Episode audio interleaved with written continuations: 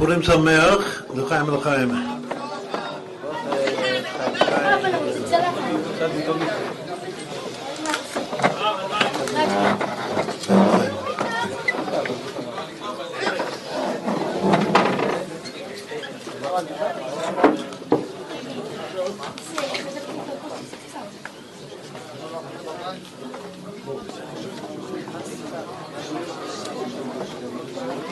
תביא לי את זה. תביא. כן, כן. תביא. תביא, תביא.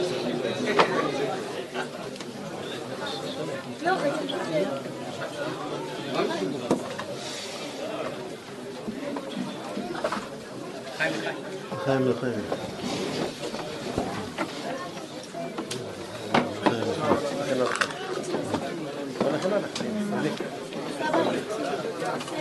תביא את הלבן. לא, לא, זה.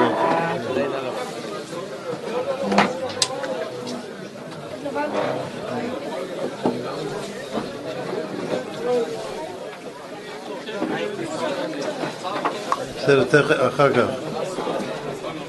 עכשיו שרנו, אכן אתה כן מסתתר. אלוקי ישראל מושיע, זה המשך של הפסוק.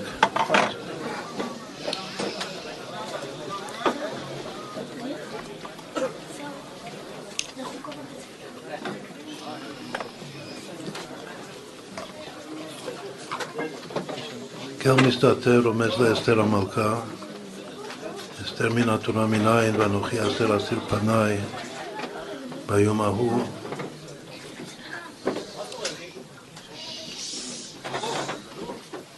גילת אסתר וחג פורים זה חג שקרה בחו"ל בזמן הגלות. יש בזה מעלה, הרגע דיברנו על כך שיש מעלה בגלות אפילו יותר מאשר בזמן הבית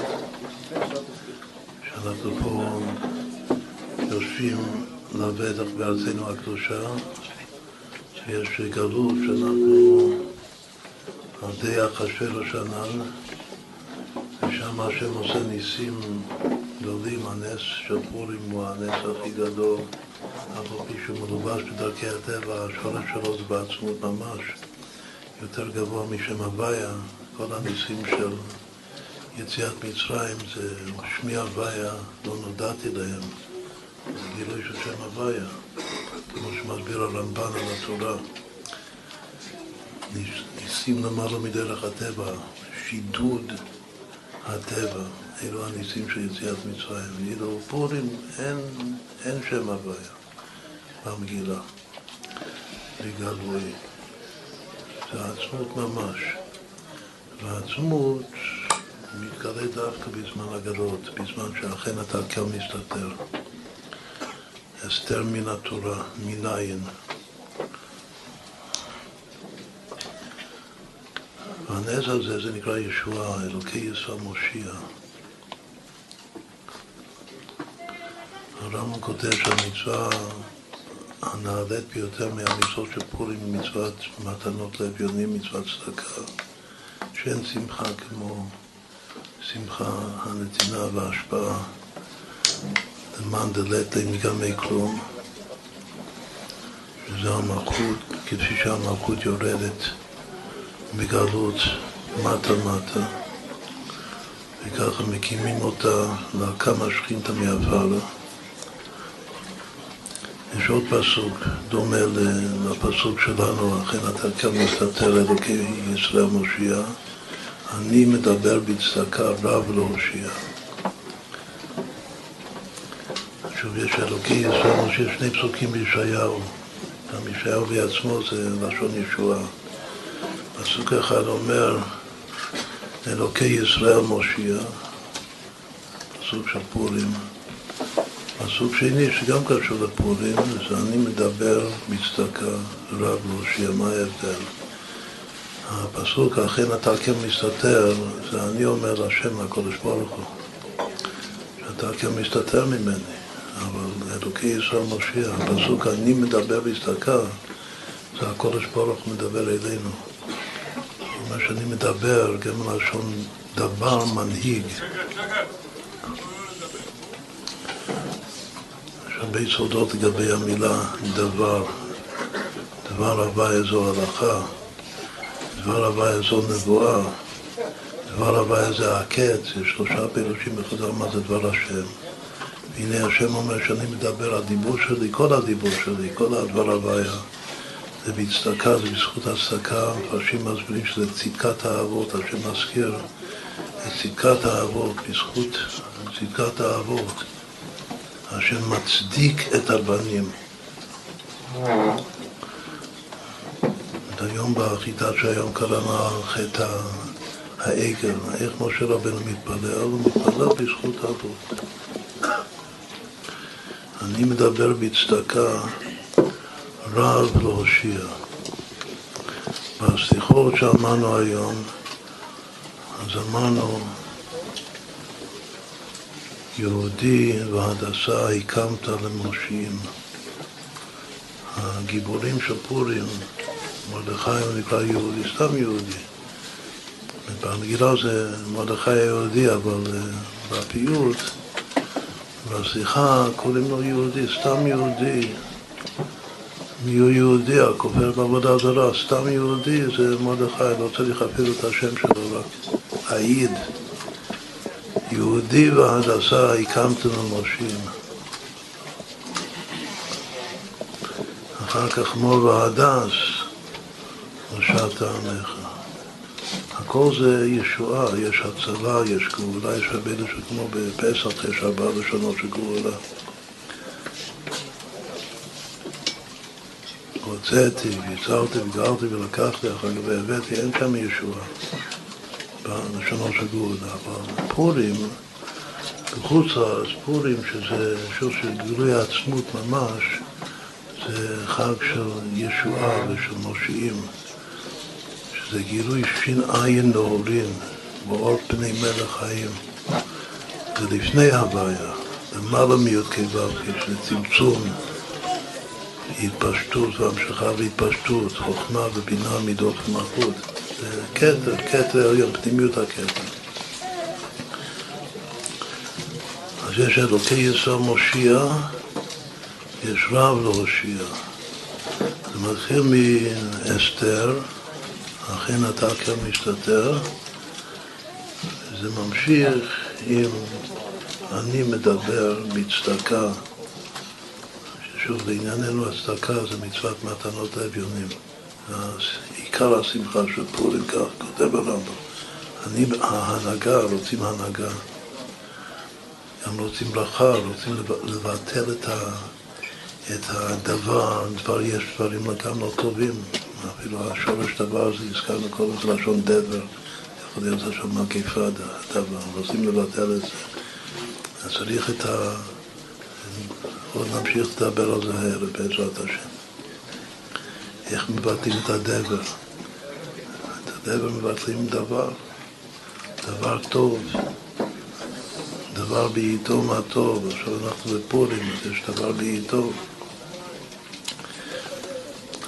זה אני מדבר בצדקה רב והושיע.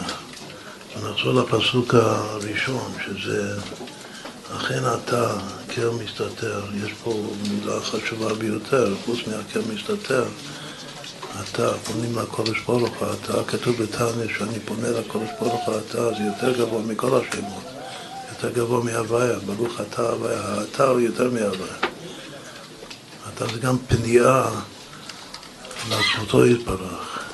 זה קשר עצמי בין העצם שלי, בעצם האני העצמי שלי, שזה חלק אלוקא ממה ממש יש בי, לאתה השם. אז אם אני אומר, אכן אתה כמסתתר, הכוונה שמה שמסתתר זה האתה זה מסתתר.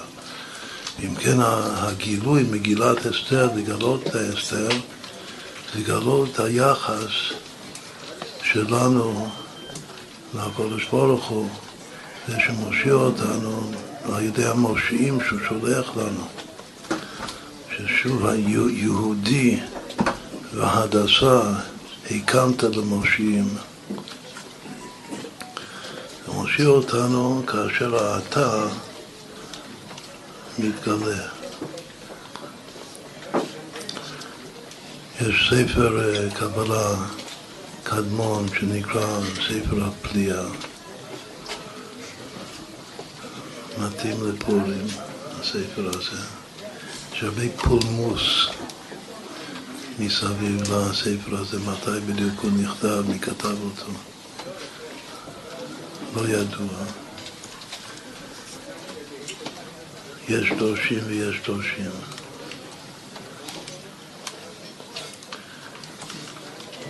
האחרונים, מי שהכי התייחס ויגע לרדת לעומק הסודות שיש בספר הזה, רבי שמשון מוסטופולי,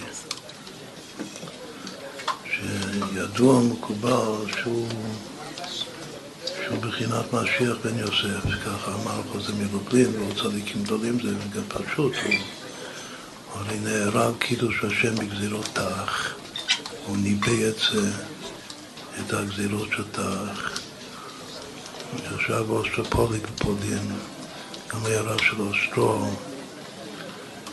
הנין ונכד שלו, של שמעון אוסטרופולי, זה בעל התולדות יעקב יוסף, התלמיד הגדול של מורינו הבעל שם טוב. ועוד מתלמידי הבעל שם טוב הם צאצאים שלו.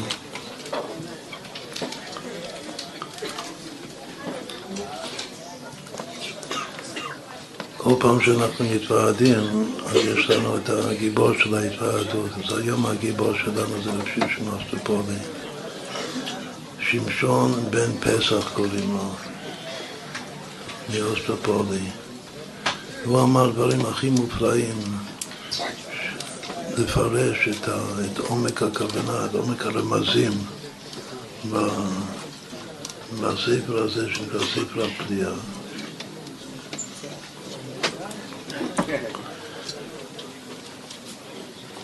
אחד מהדברים שכתוב שם, שצדיק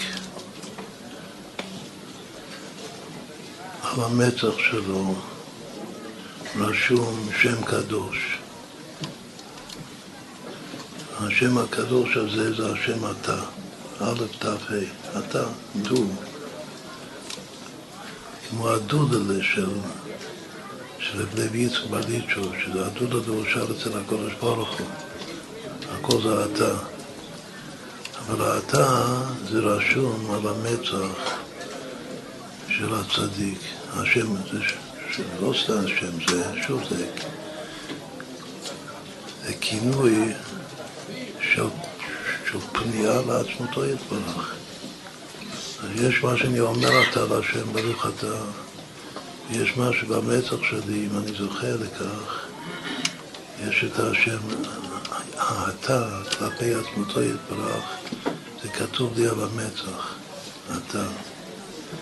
ואותו אתה שעל המצח של הצדיק זה מה שמסתתר בגלות, וזה מה שאנחנו צריכים לגלות בפורים שאומרים לחיים, זה בשביל לגלות את האתה הזה של המצח שלך.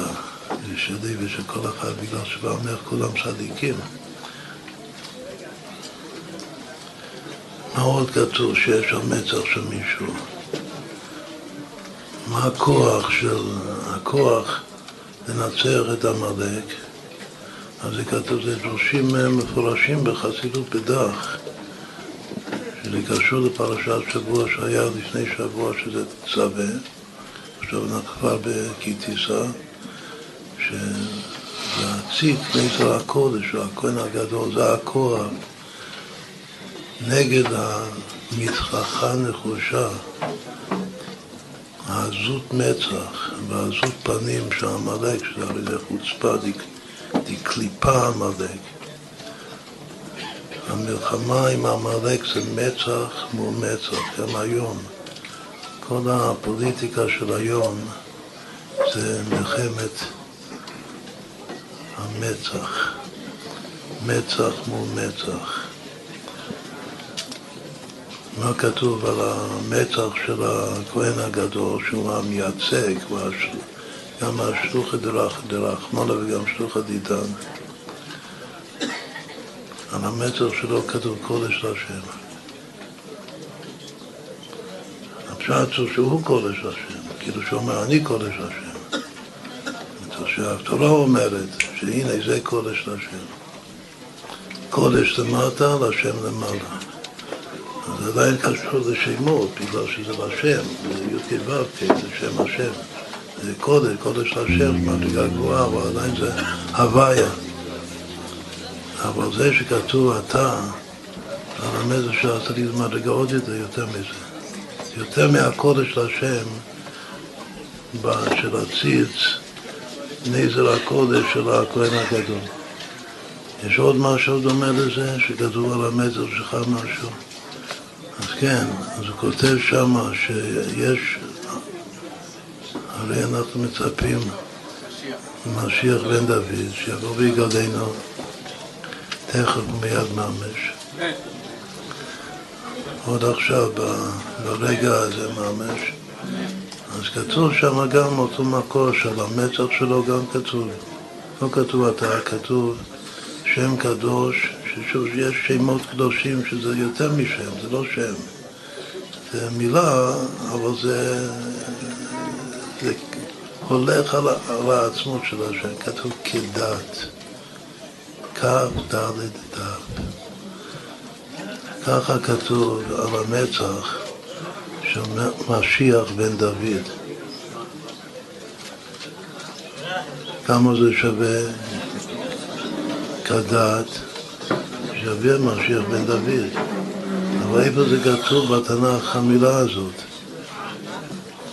כתוב במגילת אסתר, כמה פעמים זה כתוב, מישהו, מישהו בקיא כאן במגילת אסתר. כדת. כדת כתוב חמש פעמים, הרבה פעמים, חמש שמח. כנראה שיש שמחה מיוחדת בשם הזה, כדת, שמופיע חמש פעמים בגילת עשר. יש עוד, יש עוד בתנ"ך המילה הזאת, בכל התנ"ך, כדת. יש עוד פעמיים בספר דניאל, גם קשור לעניין, כדת מדי ופרס. לא תעדי. מה זה כי לא תעדי? די, לא תעדי. תעדי שלא יעבור, חוק ולא יעבור. יש משהו בגלות מדי הפרה שהחוקים שלהם זה חוק ולא יעבור. עכשיו זה בדניאל כתוב, זה קשור לפורים, מדי הפרס. זאת פעם כתוב שם כדת מדי פרס די לא תהדי. זה, זה שכתוב פעמיים, אותו ביטוי בדיוק, כתוב פעמיים בדניאל, ואחר כך חמש פעמים במגילת אסתר כדת, שאנחנו תכף נעבור על כולם, נראה מה המבנה, אבל קודם כל זה שיש שתיים וחמש, כמה כדת יש בכל התנ"ך, יש שבע, ושבע מתחלק לשתיים וחמש, זה חלוקה ידועה, קוראים לזה חלוקת זהב, זין שווה ה' ב', שהשבע הוא ה' וב', שזה גם חלוקת הנרות במנורה, בבית המקדש, לפי דעה אחת, שהנר המערבי, הנר השנייה, הנר השני, שנכנסים ממזרח למערב. אז יש שתי נרות, גם אומרים את זה בבוקר בתפילה, בקורבנות בבוקר, שיש עד הטבת שתי נרות ועד חמש נרות. אז הנרות מתחלק לחמש ושתיים, וככה זה החלוקה של הכדת. שעוד פעם, זה מה שכתוב על המצח של משיח בן דוד.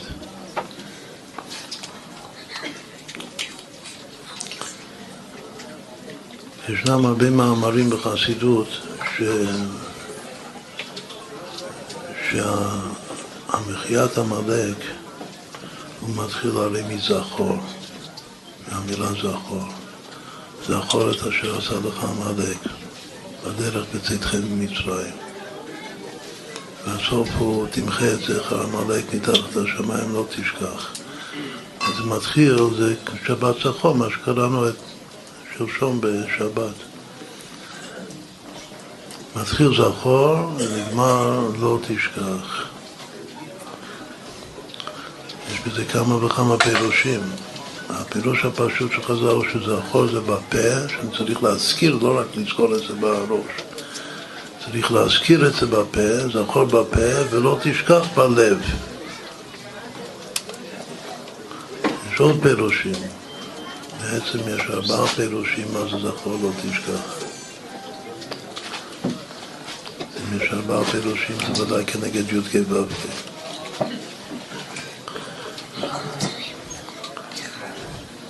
מה זה זכור? כתוב שזכור זה גילוי אור הפנים. כשאני זוכר משהו, אז כל הזמן זה עומד נוכח, לנוכח, מולי, מול. אני לא מסיח דעת כמו שצריך לזכור את הציץ, כמו התפילין, משמש, לא לשכוח מזה, לא להסיח דעת מזה. ככה עמלק, שהוא היצר אורו, לא סתם יצר אורו, זה עמלק בגמר של ספק, ספק באמונה, הכי גרוע, ההפך מהיהודי שכופר בעבודה זרה. ההפך מלכפור זה שאולי יש לו ספק. רחמנא ליצלן. אז כל הזמן צריך להיות בהזכור הזה, לא להסיח דעתו מזה שאם הפוגש ברחוב, ברחוב זה הרחוב שלי, גם בתוך הלב שלי, יש מסילות. אם אני פוגש באיזה מסילה, מבקש ברחוב איזה עמולק, אז איך היו קוראים לעמולק בחסידוס? היו קוראים לעמולק תמחה. אם אני פוגש את תמחה, אני צריך לדעת מה, מה עושים איתו, מה המצווה. המצווה זה למחות אותו, לחסל אותו. שוב, זה בתוכי המולק הזה, קודם כל. יש גם בחוץ כמובן. זה עוד פירוש מה זה זכור לא תשכח. על פי פשט הזכור זה הולך על, על העבר, על מה שהיה. זכור את אשר עשה לך עמלק בדרך בצאתכם מצרים, שהקולך בדרך, ויזנב לך קולך, שרים אחריך, ואתה עייף והגה ולא ירא אלוקים. בפרשת יש שלושה פסוקים, שני הפסוקים הראשונים זה לזכור מה היה, לזכור את העבר, את הסיפור. היה פה סיפור, כל הזמן לזכור את הסיפור הזה. אחר כך והיה ידיח השם וכולו וכולו, תמחה את זכר עמלק מתחת השמיים לא תשכח. מה זה לא תשכח? לא תשכח לדעת מה עושים כשאתה פוגש עמלק ברחוב. שזה העתיד, זה ההווה והעתיד. זה פשט. למה צריך זכור בהתחלה ולא תשכח בסוף? ששוב, הזכור זה הולך על... תזכור את הסיפור, את הרקע. ואחר כך לא תשכח לעשות מה שצריך לעשות בפועל ממש שאתה פוגש את העמוליק הזה, את הסביה, צריך לחסל אותו. פירוש אחר, אבל זה, זה פשט. למה צריך בהתחלה זכור, בסוף לא תשכח? איך האריזה מסביר מה זה? אם כבר נגמור את הדרוש הזה של ארבעה פירושים של זכור ולא תשכח. איך האריזה מסביר? הוא אומר שזכור שוב זה בחינת פנים, כמה שווה זכור? זכור זה 233, מה זה? זה אב כיסא. יש אבא ואימא עילאים, שזה פנימיות המוחין, וגם שם יש פנים ואחות. את השמות קודש של אבא הילאה ואימא הילאה זה שם אב, מילוי אב של שם הוואי, י"ק ו"ק, שכונות ממלאים ביוד באות יוד. ואם אני עושה אותו הדבר בשם אקיה, גם ממלא את זה ביודין, שזה, כל הפירוש הזה זה יוד, זה ודאי כנגד היוד של שם השם, הפירוש הזה. אז אב וכסה, שזה הוואי ואקיה, מילוי יודין שווה זכור. זה הסוד של זוכר. מה זה תשכח? ההפך. זה אותם שמות גופה, אב וכסה, אבל שכותבים אותם באחוריים. מה הכוונה באחוריים? סוד השכחה זה מה שבצד האחור שלך. אם יש משהו שאתה, כמו שאמרנו קודם, יש דבר שאתה לא מסיח דל אף פעם, זה כל הזמן בפנים שלך. אתה לא שוכח אותו, אבל אם הוא בצד האחור שלך, אתה שוכח אותו, אתה לא רואה אותו. מה זה האחוריים של השמות האלה שאני כותב? י', למשל אב. אב זה י' כ' ו' כ', זה עשרים, בגלל שזה י' ו' ד', ה' זה ה' י' זה חמש עשרה, והו' זה ו' י' ו' זה עשרים ושתיים, ועוד הפעם חמש עשרה זה אב, שבעים ושתיים ביחד. האמא כותבת כל השם הזה באחוריים, כלומר י' עשרים, ואחר כך י' כ', י' כ' זה אותיות יהודי. 35, ואחר כך י' כ' ו', שזה כבר 57, ואחר כך כל השם אב, י' כ' ו', כי הכל במילוי אב, שזה 72, אז מה יש לי? 20, 35, 57 ו-72. כמה זה? כפד, קפ"ד. זה נקרא, אחורי אב הוא פ"א 84. אותו דבר עושים בשם הכר במילוי יהודים. אז המספר שיוצא, האחוריים שלו, זה שווה 544. מה קורה כשאני מחבר את שני אלה ביחד? 184 ו-544, אני מקבל 728 תשכח. זה רמז מאוד מאוד יפה של האריזה. שהזכור בהתחלה זה אב גסה פנים, והתשכח בסוף, שלא תשכח, אבל התשכח זה אותם שמות גופה רק באחוריים, באחור שלהם. מה הסוד בקבלה של, של משה? משה זה לקחת את האחוריים של אב, שזה כפד, ולחבר את זה עם הפנים של, של שם היכר של יהודים, שזה כסר, זה שווה משה. מה שני השמות ההפוכים? כאילו הפנים של אב זה 72 והאחוריים של, של כיסה זה 544, תקמד, לא. אני לוקח את ה... עכשיו אני עושה זיגזג. משה אמר שזכור זה אב כיסה, ותשכח זה כפד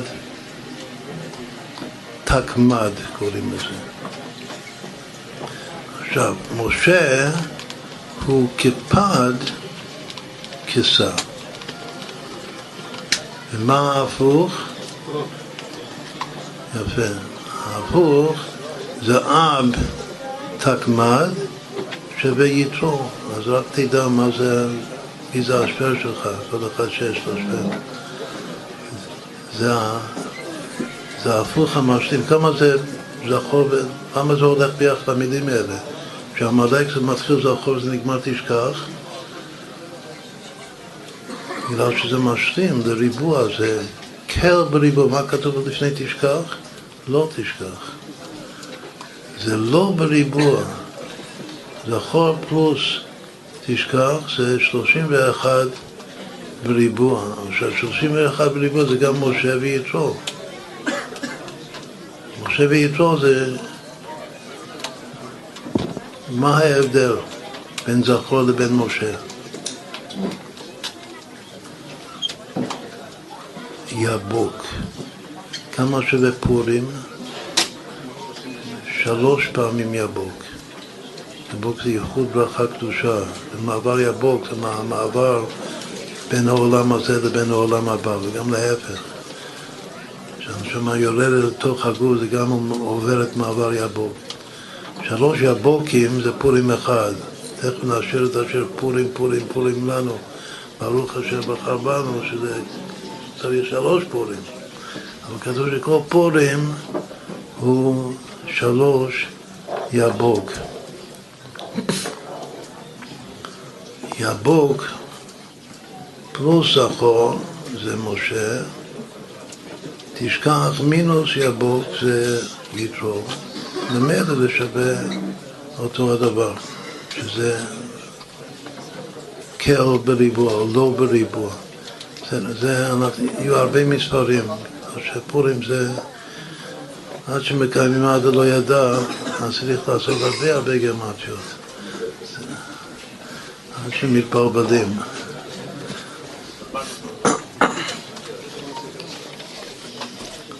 המצווה זה מחר, אבל להתכונן זה עכשיו. אז איפה היינו? אמרנו שיש, כבר אמרנו שלושה פירושים. זכור ותשכח. פירוש האריזה, שזה הכל פנים ואחור של שמות אב וכסר, זה הכל, זה הכל מילוי יהודים. בתוך היוד גופה.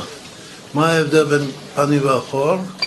פנים שאתה, שוב, שזה מול פניך אתה לא מסיר כתב מזה בכלל, זכור זה, זה לא מול פניך, אבל זה שם, מה, מה, מה הוא עושה שהוא, שהוא באחוריים? אז כתוב שהאחוריים, יש בזה גם אה, תפקיד, יש בזה מעלה ועניין. העניין הוא שהוא מאפשר השפעה והמשכה מלמעלה למטה. כדי להשפיע את הדבר, דבר שעומד מולי לגמרי, אני כל כך uh, מתאחד עם זה, אני לא יכול להשפיע את זה. הוא לא יורד.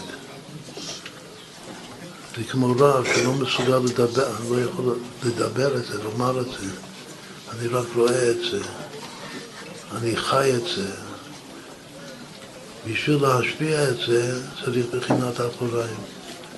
והאחוריים זה הנהי של הפרצוף, והנהי זה כוחות ההשפעה הלאה, בשביל להוביל את זה הלאה. אז יש תכלית, גם שייך לגלות שאמרנו קודם, יש תכלית באחוריים. לכן אמרנו שמשה רבנו יש לו חצי אחוריים וחצי פנים.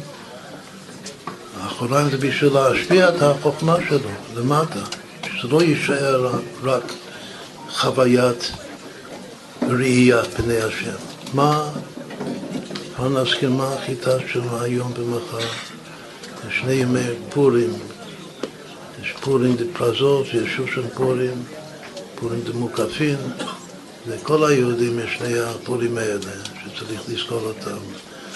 חוגגים בדרך כלל אחד, יש כאלה שעושים שניים מספק, מעמלק, אבל uh, העיקר זה אחד, אבל צריך לחגוג את שניהם. אחד ב, יותר בגלוי ואחד יותר בלב, כמו בפה או בלב, זכור לא תשכח. מה החיטה של היום, ימים האלה? לפי הכפיות של השנה הזאת. זה שתי פרשיות שזה הקדמה לגילוי י"ג מידות הרחמים, שהיום בשלישי של כי תישא, משה רבינו אומר לקדוש ברוך הוא אומר לו, הודיעני נא את דרכיך. ואחר כך השם אומר נותן לו, וגם נותן לו בסוף, ונפלינו אני ועמך. כל העמים אשר על פני האדמה. שווה 1,430, מי שמכיר את המספר הזה. יחי אדוננו, אפשר להשאיר את זה בהמשך. שזה בגמטה ונפנינו, אני ועמך. זה החיטה של פורים עכשיו, של פורים דפרזות, שאנחנו חולקים כאן. התכליס, נפלינו. יש הרבה נפילה במגילת אסתר, זה מלא, מלא, אה, כולם נופלים שם. מנפילת הגורל הפור ועד שהמן נופל על המיטה של אסתר עליה, וגם בהמשך, הכל נופל שם. והחיטה זה ונפלינו, בדיוק ההפך, ונפלינו למעלה. יש לי פה למטה ויש לי פה למעלה. ולפנינו זה ליפול למעלה, ששותים מספיק, הכל מתהפך ונהפוך הוא. שבמקום ליפול למטה, נופלים למעלה. ולפנינו אני ועמך מכל העם מאשר פני אדמה. מתקנים לגמרי את כל חמדם. אמר שיש הספר הזה, ספר הפליאה, והפעילות של רב שמשון מאסטרופולי, זה הכל בירור כל חמדם הזה. אין את זה בכתבי האריזה. אין איזה, מי היה הכי מתנגד לספר הזה? הרמק. בגלל שזה לא לפי הזוהר. וזו הזוהר לכל הקודשים, ואם זה לא כתוב בדיוק כמו שכתוב בזוהר, זה פסול אצלו. לכן הוא יורד לגמרי על הספר הזה. אבל אריזה דווקא, הוא מקבל, הוא מקבל אותו, הוא מקרב אותו, הוא מחבק אותו, את הספר הזה. גם הוא אה, על פי הזוהר, אבל הוא גם כן למעלה מזה. יכול לסבור גם דברים שזה לא כתוב בזוהר, או שזה נדמה אפילו שזה לא כמו שכתוב בזוהר. זה הארי הקדוש, אחר כך גדולי החסידות, על אחת כמה וכמה. זה הכל מתחיל מה, מהחכם הזה, אבל שוב, כל הספר הפליאה עם הפירושים של הפשיעים והסופות, זה הכל דמיון גמור, נחזור לאתר הזה, שרשום על, ה, על, ה, על המצח של הצדיק. למה זה רשום על המצח שלו? מי שמע זה טוב. אנחנו אמרנו בגלל שהוא כולו אומר אתה הקודש ברוך הוא, שזה התיקון שאכן אתה כאן מסתתר. אבל הוא כותב, אה, הוא כותב משהו אחר, הוא כותב סיפור שלם. הוא כותב שבגיהינום יש עניין גם בפורים, ליפול לתוך הגיהינום ולעלות משם, עם כל הנשמות שיש שם. מעלים את כולם, והיום הכי טוב בשביל זה, זה, זה עכשיו, זה בפורים. אז הוא אומר שבגיהינום כתוב בספר הפליאה, יש שם 850 חדרים. אז מי שרוצה סיור, לעשות שם סיור, טיול מודרך, אז הוא צריך לעבור, צריך לעבור, יש מדברים שבעה מדורי גיהנום, מילא שבעה מדורים עכשיו, אחד, אם אני רוצה לבקר שם, אז בסדר, שבעה זה לא נורא, אבל כתוב ש, שזה לא, לא רק שבעה יש שם 850 חדרים שצריך לעבור את כולם. הצדיק חייב לעבור, הצדיק הכי גדול, מלך המשיח, שהוא בחינת אה, הדבר, אחד הדור צריך לעבור את כולם, בשביל להוציא את כל הנשמות ששם. הטוב שברופאים הרי לגיהינום, מה הוא לגיהינום? בגלל שהוא צריך לרפות כולם, להוציא את כולם מגיהינום, הטוב שברופאים זה המשיח, מלך המשיח. אז הוא צריך לעבור את כל ה... כל ה 850 חדרים כמניין תכלת. סוד התכלת זה תכלה, זה גיהנום. היום אין לנו תכלת, רוב האנשים, יש כאלה שיש להם תכלת, אבל ודאי כאן בחדר הזה יש כמה שיש להם תכלת. יש להם כוח מיוחד לתקן את הגיהנום, אבל אלה ש, שלא שמים עדיין תכלת בציצית בגלל ש... הם עוד לא מרגישים מספיק בטוחים בשביל, בשביל התכלת, שזה ה-850 חדרי גיהנום, לרדת לשם ולתקן שם מה שצריך. והאריזה אומר שמשיח יבוא, אז כולם ילבשו, אז כולם יהיה הכוח הזה, עם, ה, עם השם הקדוש אתה לנו. עכשיו, בתוך ה-850 חדרים, אז כתוב ש... ותכלול אסתר בת אביחי ומרדכי ואת כל תוקף. כתוב שיש תוקף חדרים, כמה זה תוקף? יש 580 מהחדרים האלה שאתה עובר אותם וזה לא מסוכן לך. אם אתה מספיק צדיק, אתה עובר אותם בשלום. הכל בסדר. אבל יש, כמה נשאר? כמה נשאר? אם אני מוציא מה-850 חדרים, אני עובר 580 בשקט, במנוחה, כאילו יחסית, זה טיול יפה, לטייל שם 580 חדרים. אז כמה, נשאר? 200, מה נשאר רע? נשאר 270 חדרים, ששם זה רע. זה לא, זה לא סימפטי לעבור שם בחדרים האלה. זה גם מסוכן. שוב, זה לא נעים.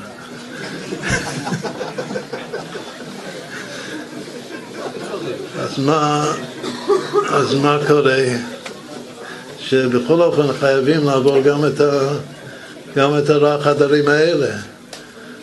אז יש מלאך שבא, אם אתה מעלה שוב, זה מדובר בצדיקים, אבל במלך משיח, המלאך הזה קוראים לו יהושע, כתוב בספר הפליאה, זה השם שלו, והוא, יש לו, יש לו שעבה, כמו של שעבה, והוא רושם על המצח שלך את השם אתה.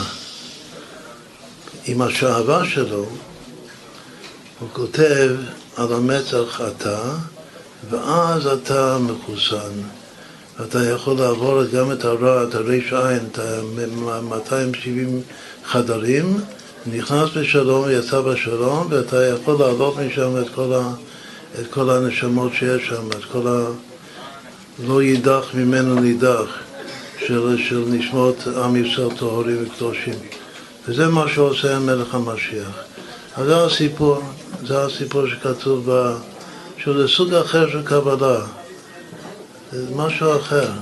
קוראים לזה קבלה אשכנזית. ו... אז, אז בא, בא הרב שמשון שלנו, שהוא שווה יהודי אסתר, אמרנו שיש יהודי הדסה ויש מור הדס, כמה זה שווה? בשיחות היום אמרנו, פעם אחת קראנו להם יהודי הדסה, ופעם אחר כך קראנו להם מור הדס, מרדכי ואסתר. אז כמה זה יהודי הדסה? ואחר כך קוראים להם מור הדס, אז תעשו את החשבון, תראו שזה שווה כדת, משיח בן דוד. זה בסליחות של השנה, שוב. אבל מה זה יהודי אסתר? מרדכי לא צריך מרדכי, יהודי מספיק. יהודי פלוס אסתר שווה שמשון. שזה כנראה שהם התגלגלו בשמשון בין פסח ומסטרופולי. איך אני יודע? יש ארבע מילים, שמשון, בן פסח ואוסטרופולי שווה פורים, פורים, פורים, פורים. זאת כולו אומר פורים, הערך הממוצע של כל מילה זה פורים. לא רק זה, שמשון בפסח זה 896, מאוסטרופולי זה 448, זה החצי, זה שלם בחצי. זה יחס מדויק. ששלם בחצי זה שמונה פעמים יבוק וארבע פעמים יבוק. בפורים זה שלוש פעמים יבוק. אז ביחד זה 12 פעמים יבוק, מילא זה ארבע פעמים פורים. לכן זה הערך הממוצע של כל מילה. שמשון בפסח מהסבבה. תכף נמשיך עוד. בכל אופן, אז מה, מה, מה איך הוא מסביר? עוד פעם, רב שמשון מהסופולי היה לו מגיד, כמו הבית יוסף. אריזל היה גילוי כל הזמן של אליהו הנביא. אבל שם טוב, כתוב שלא זז מהדלת אמות שלו. כתוב שרב שמעון מהסופולי הוא למד כל יום עם, ה, עם המלאך, עם המגיד שלו, הוא לימד אותו סודות. איך מסבירים כזה סיפור של ספר הפליאה? שיש גיהינום ו-850 חדרים ו-580 הם בסדר יחסית, אבל יש רעש שזה לא בסדר ובשביל זה צריך לשאול על המצח שלך את השם, השם אתה ואז אתה יכול לעבור גם אותם בשלום. אז הוא אומר ברוח הקודש שלו זה, זה מצווה להראות את הדברים האלה לתלמידים, לכולם. הוא אומר ש... ש... שהכל רמוז בתוך הפסוק, פסוק שכולנו יודעים בעל פה. גם כי ילך לגית המוות לא ירא רע כי אתה עמדי, שבטך משענתך אם ינחמוני. מה, מה הפסוק אומר? שגם כשאני הולך לגית המוות, כמה שווה גית המוות?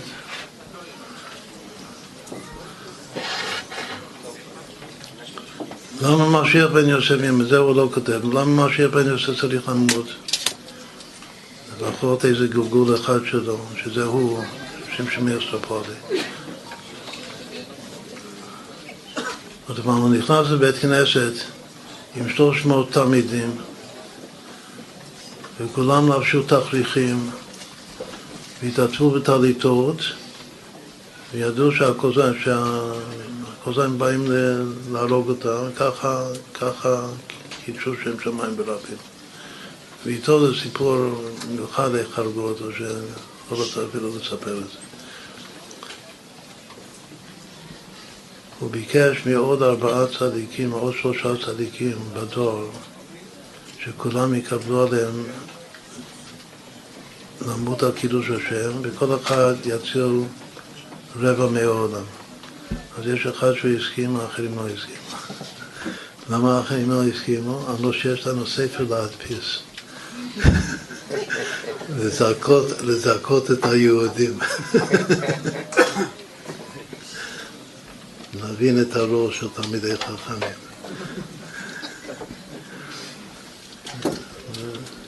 סיפור אמיתי. שאחד כנראה לא היה לו ספר להדפיס, אז הוא הסכים לעמוד על קידוש השם. אבל היה לו ספר, אז מה אפשר לעשות?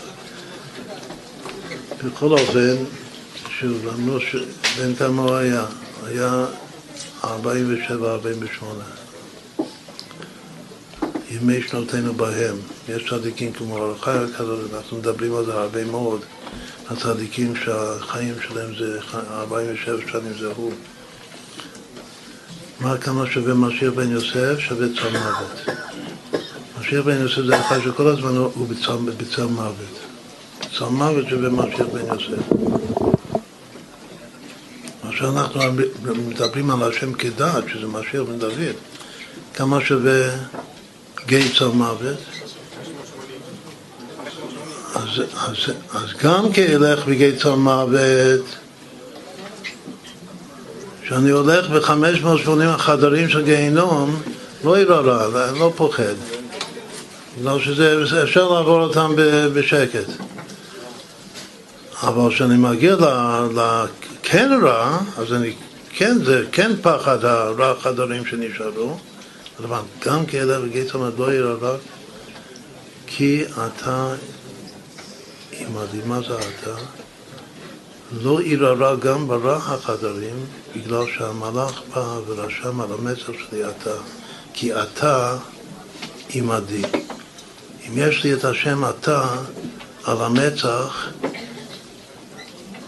שהמצח שלי, זה פורים, שהמצח שלי כל הזמן אומר אתה, זה העצם של המצח שזה אתה, הקודש ברוך הוא, אז לא יראה ושוב אז המשיח יכול לעבור, זה כבר הופך להיות משיח בן דוד, לעלות כל זה, כי אתה עמדי שבטך ומשענתך המה. מה זה הראשי תיבות? שעבה. אם ינחמוני, הפוך. שבטך ומשענתך עמדי שבטך ומשענתך המה ינחמוני. הראשי תיבות הפוך. יהושע. אז בא יהושע, המלאך שקוראים לו יהושע, ויש, בתוך יהושע יש את השעבה, עם השעבה הוא רושם על המצח שלי אתה, ואז אני יכול לעבור גם כן את, ה, את הרע חדרים שנשארו. כל זה זה מרב שמשון אסטרופולי.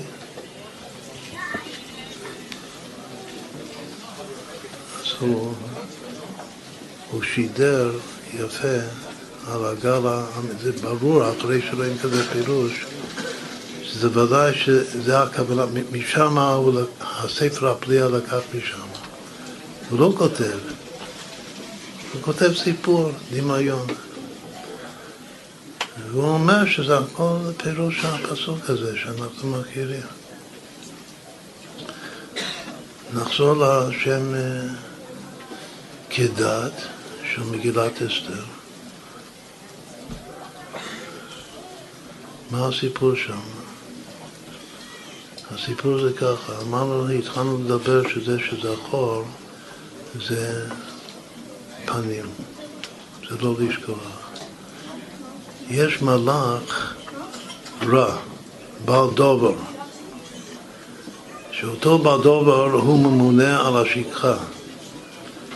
אם הוא פוגש אותך, הוא משכח ממך את כל מה שאתה יודע. איך קוראים לברדובר הזה? קוראים לו ריב, זה השם של המלאך. שוב, עוד פעם, אנחנו חוזרים לספר הפליאה עם הפירוש של רב שמשון מאסטרופולי. זכותו יגן עלינו.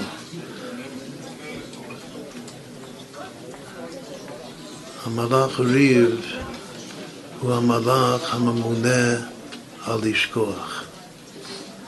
מה שצריך, תכף נראה מה לגבי ענייננו, מה, מה היום האנשים שוכחים. דבר פשוט, כל תינוק צריך לדעת ושוכחים מזה לגמרי.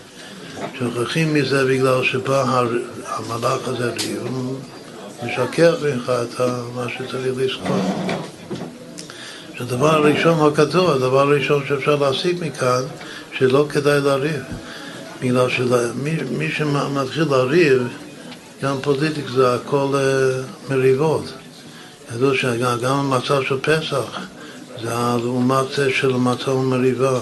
אבל כאן כתוב שריב זה המלאך של השכחה, אז דבר הכי פשוט של הריב זה לשכוח.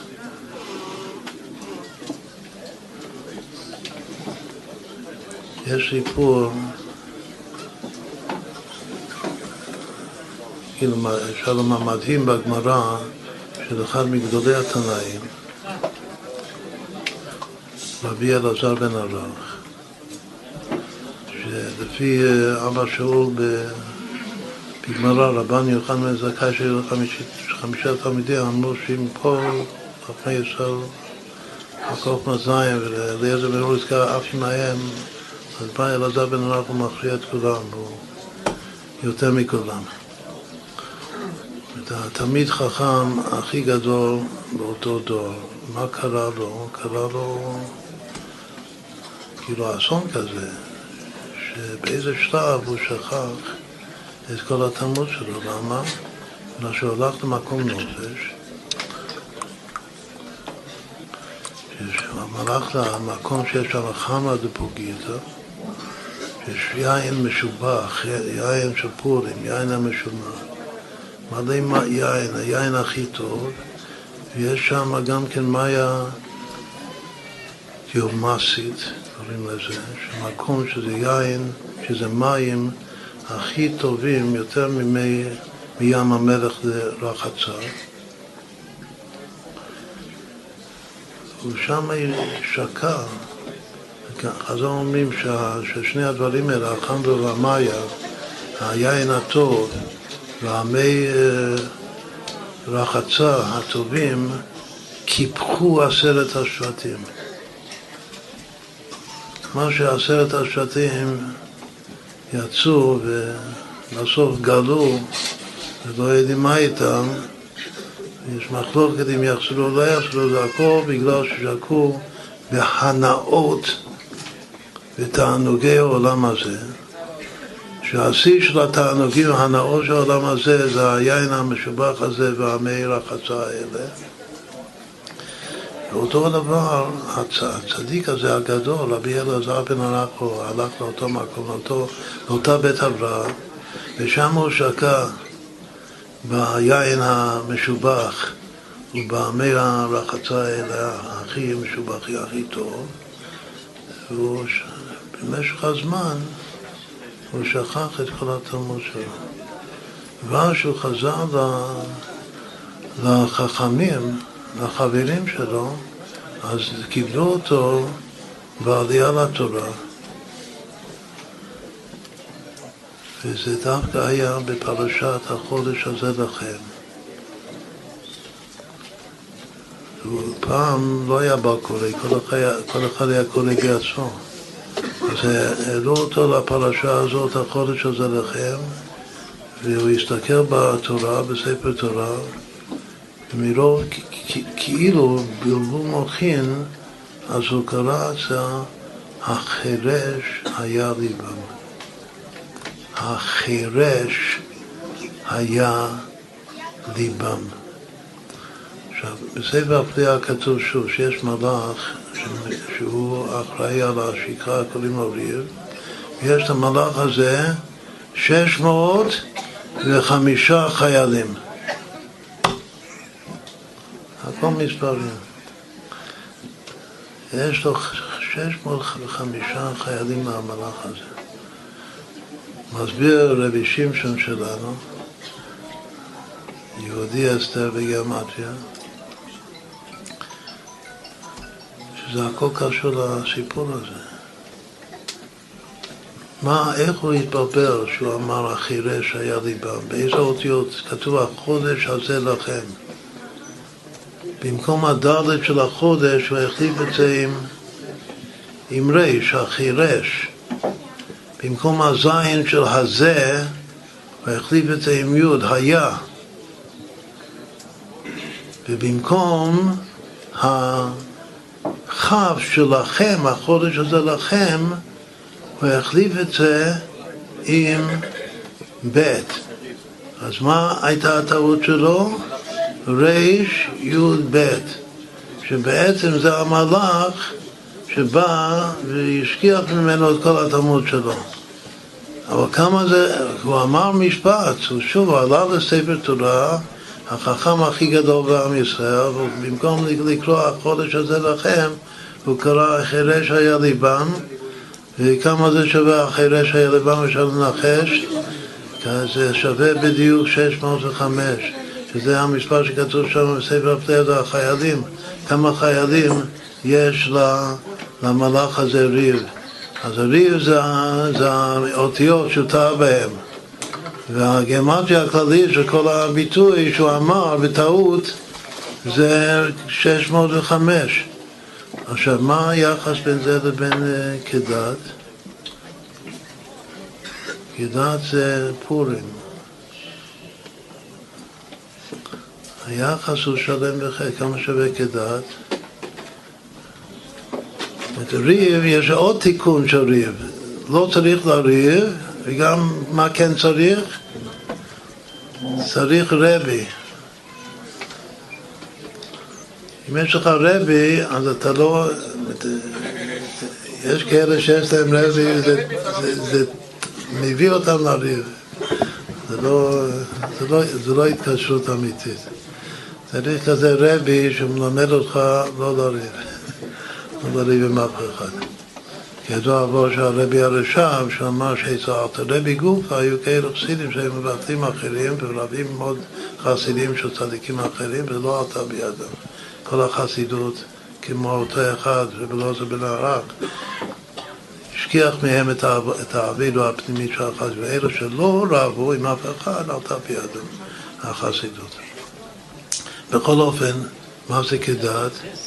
משיח בן דוד, כדת זה, זה פעמיים. את היחס בין כדת לבין ריב זה שלם בחצי. כמה שווה החודש הזה לכם? עוד פעם, כל הטעות שלו זה היה במילים, היה צריך לקרוא את המילים החודש הזה לכם. כמה זה שווה? שווה כדת, בדיוק, משיח בן דוד. את משיח בן דוד זה, החול, זה לא החירש היה ליבם, זה החודש הזה לכם, זה כוח, הכוח שיש ליהודי לחדש, זה הפנים שלו. הפנים שלו זה החידוש. הכוח כל הזמן לחדש, בתורה לחדש, במציאות לחדש, באהבת ישראל לחדש, הכל צריך לחדש. זה משיח בן דוד. תורה חדשה מאיתי תצא. וזה כדת. איפה אנחנו לומדים את המילה? בתנ"ך כתוב שבע פעמים כדת, והעיקר זה מגילת אסתר כתוב חמש, חמש פעמים כדת. איפה אנחנו לומדים כדת? שמקדשים, שמתחתנים. המילה הכי מקודשת, הרי את מקודשת היא בטבעת צור כדת משה וישראל. יש כדת מדי ופרס, דילו תעדי, זה הכדת שלנו לעומת זה. והעקידה שכנגד מדי הפרס זה משה וישראל, כנראה שמשה זה כנגד מדי וישראל זה כנגד פרס. אז פעם יש כדת משה וישראל, ככה מקדשים אישה, ויש כדת מדי, מה זה כדת מדי? מה הכדת שלהם? מה הבעיה שלהם? של מדי הפרס, שזה גם צריך לרמוז בתוך המילים. יש, קודם נתחיל מפרס, הרי יותר מכירים פרס מאשר מדי. מה הבעיה של פרס? מה, מה, מה לא בסדר בפרס? גם היום יש פרס. פרס זה מי שעובד את השם על מנת לקבל פרס. כתוב בפרקי אבות בהתחלה שלא לעבוד, לא להיות אה, עבד המשמש שלו על מנת לקבל פרס. צריך לעבוד את השם שלו על מנת לקבל פרס, ויש גרסה אחרת על מנת שלא לקבל פרס. כידוע שזה שתי בחינות של בינוני של התניא והצדיק של התניא, שהבינוני של התניא עובד שלא על מנת לקבל פרס, הוא לא, בשביל פרס, נשמע. הצדיק זה יותר מזה, עובד את השם על מנת שלא לקבל פרס. הוא מוותר, הוא מוכר את הגן עדן שלו בשביל לעשות טובה ליהודי. כידוע הסיפורים על זה מהבעל שם הוא עובד את השם לא, לא, לא לקבל פרס על מנת שלא לקבל פרס. זה מלכות פרס. איך אומרים זה מילה אחת, פרס? פרס זה עבודה שלא לשמה. עבודת השם שלא לשמה, שלדאבוננו רוב האנשים נרקדים בפח הזה של עבודה שלא לשמה, שיש אינטרס. יש, איך קוראים לאינטרס בלשון החסידי יש נגיעה. יש נגיעה, נגיעות, יש פניות. זה, זה אתה נמצא, אתה פרסי, פרסי לא יהודי, יש יהודים פרסים טובים, אתה פרסי גוי. מה זה מדי? אם פרס זה לעבוד על מנת לקבל פרס, אז מה זה כבר מדי? מה זה כדת מדי ופרס? זה, זה דת. יש להם דת, כדת, שפרס אה, שצריך לעבוד בשביל לקבל פרס. מה זה מדי? מדי זה לעבוד במדידה והגבולה, בלשון החסידות. מדי זה לשון מדידה, מדוד, מידה. אין עבודה למעלה ממדידה והגבולה. אין תשובה. יש עבודת השם אפילו לשמה. אבל הכל במדידה והגבלה. ויש עבודה שהיא למעלה ממדידה והגבלה. אנחנו היהודים, וכתוב שמשיח בא בשביל אתה והצדיק חיה בתיעובתא.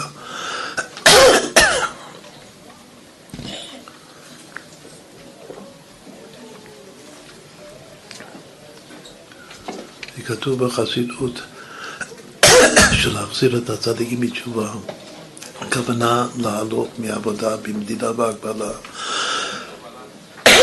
לעבודת השם לחיים לחיים.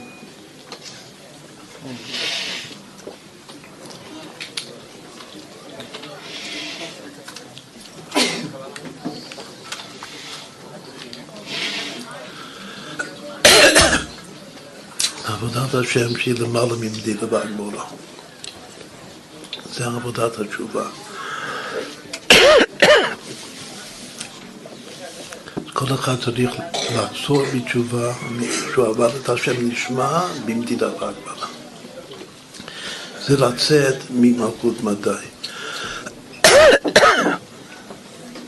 ופרש שוב זה לא לעבוד בשביל לקבל פרס. עם שתי הבחינות של זה. או שלא על מנת לקבל פרס, או על מנת שלא לקבל פרס.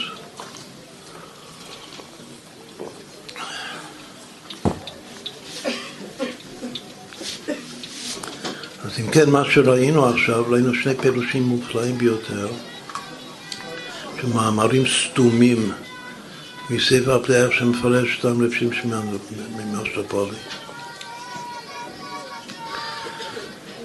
מה שקשור במיוחד אלינו זה, זה גם האתר, בגלל שלכן פתחנו עם השיר הזה, אכן אתה כאן מסתתר. צריך לתת צדקה כדי שהאתר, שהמתח יתגלה, שיבוא היהושע הזה ויכתוב לי מה שהאהבה שלו, שבטך משענתך, אם נחמוני. עימדי, זה מתחיל מהמילה עימדי, עימדי. שבטך משענתך ימינה חמוני. היושבים השאהבה שלו, כי אתה עימדי, ויכתבו לי על המצח את האתה.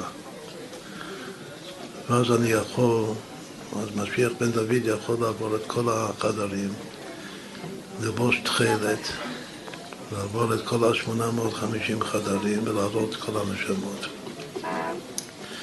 אז יש לו גם התא, כנראה שאחרי שהוא עובר, אז גם נרשום אצלו את ה... כדי נעשה עוד אה, משהו, תרגיל יפהפה בחשבון. אמר לו שיש שלושה דברים שכתוב על המצח. אתה כדעת קודש להשם. אצל הכהן הגדול, על הציץ שלו, שזה כתוב שזה הכוח לנצח את המלא כתוב קודש להשם. על המצח של משיח בן דוד כתוב כדעת, ועל הצדיק הזה שעובר את הגיהינום ומעלה את כולם, אז כתוב אתה, והסברנו שבעצם העיקר זה האתה הזה. שזה אכן, אכן אתה כמסתתר. אלוקי ישראל מושיע. אני מדבר בהסתכל רב להושיע. בכל אופן נעשה כאן תרגיל. יש פה אתה כדת קודש לשם. זה מספרים קרובים. כמה שווה אתה? אתה שווה 406, כמה זה כדת? זה 424, כמה זה קודש לשם? 460. עכשיו, מה ההבדל, ההפרש בין אתה לבין כדת?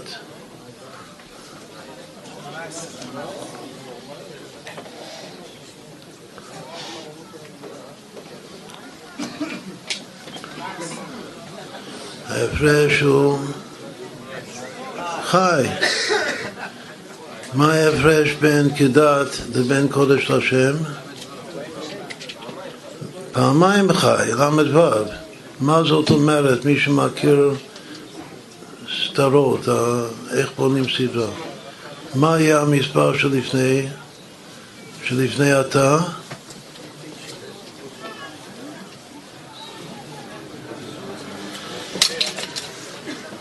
עוד פעם, יש לי אתה כדת קודש לשם.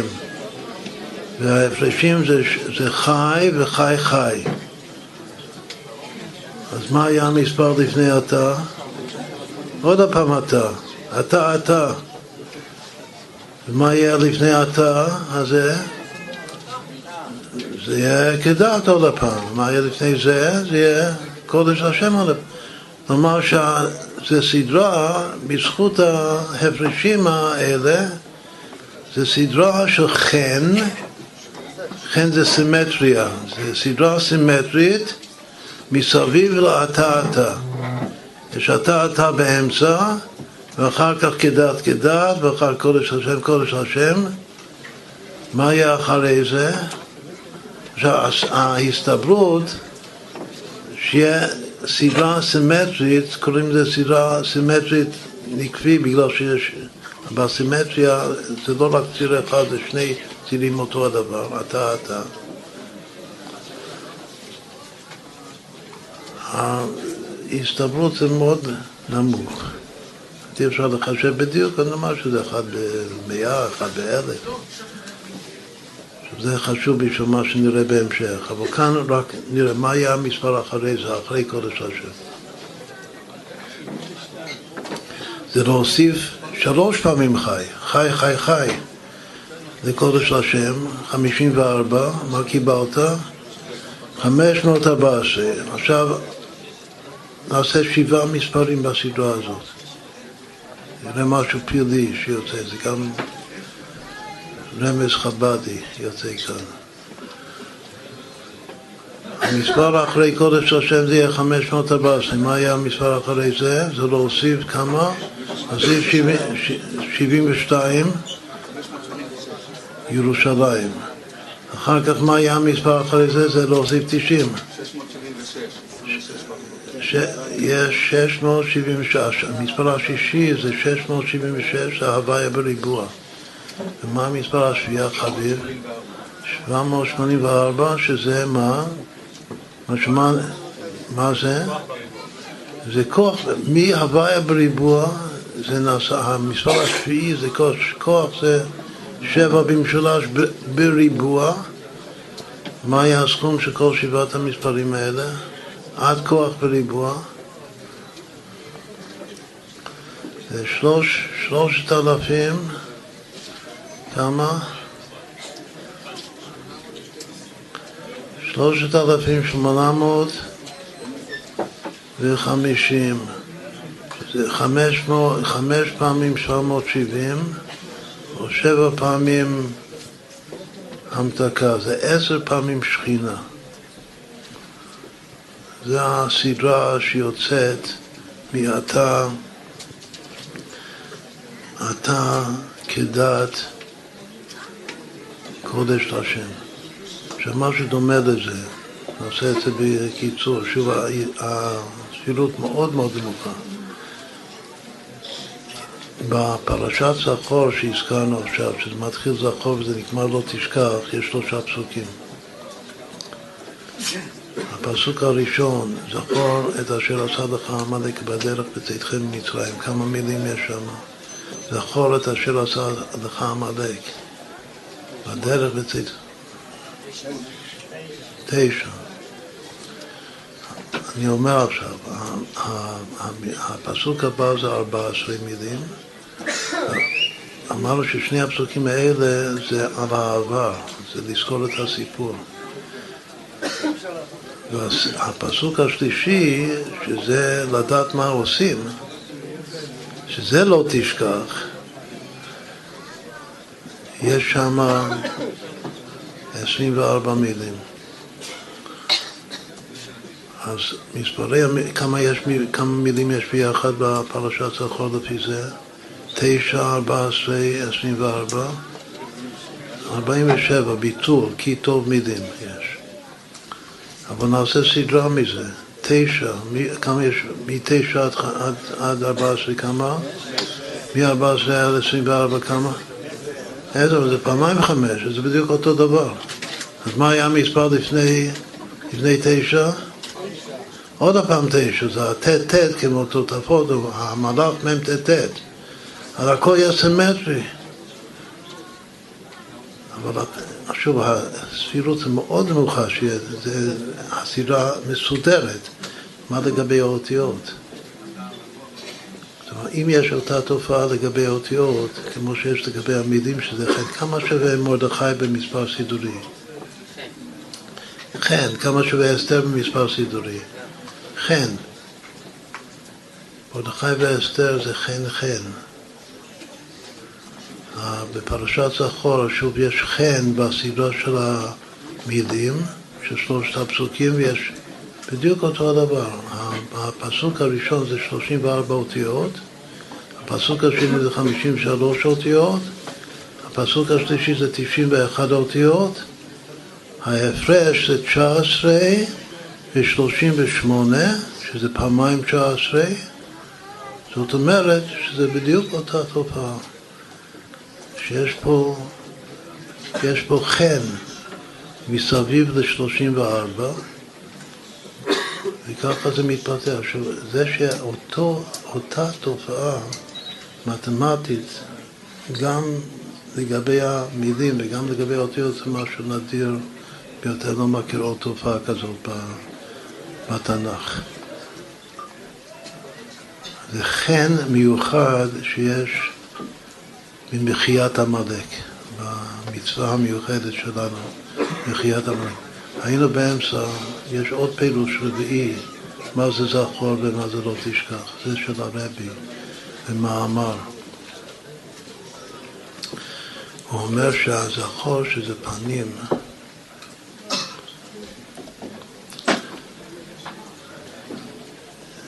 זה בחסידות חב"ד קוראים לזה התבוננות פרטית. שאם יש לך משהו שאתה זוכר כל, כל הזמן, אז אתה גם, זה כמו הפנים של הפרצוף של בן אדם שיש שם עיניים ואוזניים ואף ופה, שבחושים קוראים לזה חוש הראייה וחוש השמיעה וחוש הריח וחוש, לא הטעם, הפה אומרים חוש הדיבור. זה, ככה זה בזוהר הקדוש. שהפנים זה ראייה, שמיעה, ריח, דיבור. דיבור זה הדבר השם. זה אני מדבר בצדקה רב להושיע. הזוג, הבת זוג, של אכן אתה כן מסתתר אלוקי יסוד מושיע. מי שרואה משהו פנים, אז הוא מבחין בכל הפרטים. מישהו מתייחס באחור למשהו, זה כמו צד האחור של הפרצוף, שיש אור עם עין, אור אחד שמכסה את כל העורף, לכן קוראים לזה עורף. אנחנו עם קשי עורף, מה זה עם קשי עורף? לפי זה, זה שיש לנו קשיות להסתכל ולהתייחס אחור באחור. לא להגיע למצב אמיתי, מתוקן, של אשכחן אפין באפין, פנים בפנים. עורף זה שאתה מסתפק בכלל, בגלל שהכלל, הרב מסביר, הוא אמצעי בשביל משהו, איזה, כמו שדיברנו כל האינטרסים או נגיעות. כל דבר זה טוב בשביל משהו. פנים הכוונה שזה תכלס, זה טוב בפני עצמו. אתה רוצה את זה בפני עצמו. לא בשביל משהו אחר, זה לא אמצעי בשביל משהו אחר. שזה דבר שהרבי אומר במאמר, הפרשת זכור, שפנים אתה רוצה את זה בפני עצמו, ואז אתה ממילא מתבונן בהתבוננות פרטית על דרך חב"ד. בגלל שכל פרט הוא חשוב לך. אבל אם זה אחור, אם זה אמצעי בשביל משהו אחר, אתה לא, לא סופן את הפרטים, אתה רק אה, מתייחס, ומה שמעניין אותך זה רק הכלל. ואיך הכלל הזה של הדבר הזה מביא למשהו אחר, לאינטרס שלך, מה שאתה רוצה. עכשיו, לפי זה הוא מסביר את החז"ל, את החז"ל של, של זכור, זכור, ב, זכור בפה ולא תשכח בלב, מה שחז"ל אומרים, הוא מסביר את זה בצורה אחרת, לא סתם להזכיר בפה ולא לשכוח בלב. הוא אומר שאלו, ששניהם זה פנים, ואלו שני פרטים שבפה הכמעט שפתיו אבי מעשה, שכל דיבור, כל מעשה, זאת אומרת שזה כל מעשה זה חשוב. ו... לא תשכח בלב זה גם כן כל ההרגש, זה מה שהוא קורא לזה, כל רגש וכל דרהר בלב הוא חשוב בפני עצמו. ככה זה דבור פירוש הרבי, כלומר ש, ש, שפה הוא כאן כולל את כל מה שאדם עושה, גם הפה, הדיבור זה עקימת שפתיו, הווה מעשה. זה כלל שכתוב בתניא הרבה פעמים, שמאוד חשוב בחסידות. ולב, הכוונה, כל הרגש, כל דרהר הוא חשוב. והכל זה ביחד, הוא אומר, זה מה שיוצא מהתבוננות פרטית על דרך הבעד, שהדבר שאתה מתבונן בו הוא בפנים שלך, כלומר שהוא תופס את כל העניין שלך. אתה אוהב אותו לגמרי, אהבה שאינה תלויה בדבר. אז עכשיו אפשר לסדר את ארבעת הפירושים לפי י"ק ו"ק. אמרנו שהפירוש האריזה זה בפירוש י'. שיש שם פנים ואחור. הפירוש הזה של הרבי, הפירוש המעניין שאמרנו עכשיו, הוא, הוא מסביר שזה הכל פנים. הזכור בפה והלא תשכח ולזה, הכל זה, זה דגש על הפרטים, על התבוננות פרטית. זה התבוננות, זה, זה הילה של שם השם. הפירוש שאמרנו שזה פשט ממש, שזה זה לזכור את הסיפור ולדעת מה עושים, ולא לשכוח מה עושים. זה נקרא מוחין דזה. לזכור את העבר זה מוכין דאבא או ישראל סבא בלשון הקבלה שנכנס לזעיר אנפין. שאני זוכר את הסיפור ושאני לא שוכח מה צריך, מה צריך לעשות בשעת מעשה ש, שבא לי איזה עמולק, איזה תמחה, זה מוכין מאימה שנמשכים לזה. עכשיו, הפירוש הפשוט של חז"ל, שזכור בפה ולא תשכח בלב, זה שתי בחינות נוקבה. נקרא רחל ולאה. דיבור זה רחל, זה פרצוף רחל בקבלה, ובלב, לא לשכוח, זה פרצוף לאה, זה מחשבה. ושתי הבחינות נוקבה זה פשט של חז"ל. בכללות, בפרטיות זה הילה, ה' בעיטתה, אבל בכללות שתיהן זה נשות יעקב, ושתי הנשות יעקב בכללות זה היטתה של שם השם. אז ככה נוכל לכוון את ארבעת הפירושים שאמרנו. עכשיו, נסיים את זה רק עם החמש פעמים כדת, את כל השיחה הזאת. מה זה חמש פעמים כדת במגילת אסתר? מתי כתוב פעם ראשונה כדת? נאמר את זה בקיצור.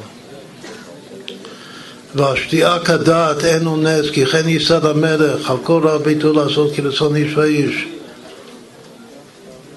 זה הכדעת הראשונה, השתייה כדעת.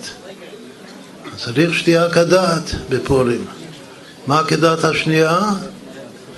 כדעת מה לעשות והשתייה מלכה, שהיא לא עשתה דבר המלך אשר ביד הסריסים, רחמנו ליצד. מרדה המלך. אז זה רק כדעת השנייה, צריך לדעת מה לעשות איתה, עם ושתי. מה כדעת השלישית? כדעת הנשים, 12 חודש, שישה חודשים בשמן המור, שישה חודשים בבשמים ותמלוקי הנשים. זה כדעת השלישית. מה הרביעית? אבוא אל המלך אשר לא חדש, וכאשר עבדתי עבדתי. ומה האחרונה, הדת החמישית, הכי שמחה? יינתן ליהודים אשר בשושן לעשות כדת היום. ואת הסרט בני המניתו על העץ. זה הכדת החמישית, אפשר, אפשר להתבונן בפרצוף הקדש, שוב, כדת משיח בן, בן דוד. החודש הזה לכם, זה כבר מסמך גאולה לגאולה. זה שמשון בן פסח, האבא של קוראים לו פסח.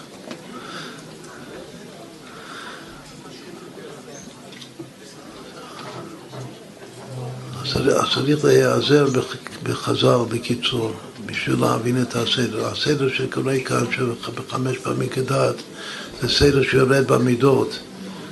הראשון, הכדת הראשון זה כנגד חסד וגבורה, השני זה כנגד תפארת, השלישי זה נצח ועוד, הרביעי זה יסוד והחמישי זה מלכות. עכשיו נבין את זה. הכדת הראשונה זה, זה, זה והשתייה כדת אינו נס כי כן ייסד המלך על כל רב ביתו לעשות כרצון איש ואיש, זה התחלת המגילה שהשתייה, חז"ל אומרים כאן דרוש מופלא, אומרים שמה זה השתי עקדה לאחשוורוש, מה הוא תיקן, מה הוא גזר, איזה דת? זה, זה דת אה, מדעי הפרה של דניאל? לא תעדי. לא, זה לא... אה, חזור אומרים שהוא תיקן את הסעודה שלו כדת תורה. מה זה דת תורה? כתוב שדת תורה שאכילה יותר משתייה. איפה רואים את זה דעת תורה שאכילה יותר משתייה? רואים את זה מהקורבנות. בקורבנות תמיד האכילה, האיברים זה יותר מהנסחים, המידות. אז זה ככה רש"י מסביר מה זה כדעת תורה, שהאכילה יותר משתייה. מה זה בספירות אכילה ושתייה? זה כלל גדול שבלב אומרת, יש אכילה יכלו רעים, שתו ושכלו דודים, שזה י"ק וו"ק, אבל מידות הלב, כלל גדול, שכתוב הרבה בחסידות, גם בקבלה בחסידות שאכילה או זה לחם ויין, זה חסד וגבורה. וזה שהאכילה מרובה משתייה, זה הכוונה מרובה מידה טובה, ממידת פורענות. היין, השתייה, זה יכול להביא לפורענות, וצריך להרבות יותר אכילה, זה גם זה קשור למחר. יש סעודת פורים, צריך לשתות, צריך לשתות עד לא ידע, אבל גם צריך לאכול. וצריך לאכול אפילו יותר מלשתות. זה נקרא כדת, הכדת הראשונה של, של מגילת אסתר. והשתייה כדת. שהאכילה תהיה יותר מהשתייה, שהחסד יהיה יותר מהגבורה. איך אני יודע שזה, שיש פה גבורה בפסוק הזה וצריך צריך להמתיק, לבטל את הגבורה, זה ההמשך של הפסוק. והשתיח הדעת, בגלל שהשתיח הדעת, שהחסד גובר, זה כמו ששמים את היד שמאל בתוך יד ימין. הימין גובר על השמאל, לכן אין אונס. מה זה אין אונס? שלא מכריחים אותך לשתות. היו סעודות, היו אה, מנהגים של הגויים שהיו מכריחים את האורחים לשתות. אפילו הרבי לפעמים היה אומר שצריך להפוך את הכוס. אז זה נקרא אונס. אבל כאן בסעודת אחשוורוש אין אונס. אלא כרצון איש ואיש. מי זה איש ואיש? מרדכי והמן, זה גם חסד הגבורה. בכל אופן, לפי, לא הייתי יודע שהכדת הזאת זה כנגד חסד וגבורה, אבל דווקא מהדרוש הזה אני לומד שהכדת הראשונה והשתיח הדת אין אונס, כי כן יישא למלך הכל רב ביתו, לעשות כרצון איש ואיש, זה היחס המתוקן של, של, של שמאלה בימינה, להכליל את השתייה בתוך האכילה, ככה חז"ל אומרים. מרובה מידה טובה, ממידת פולנות.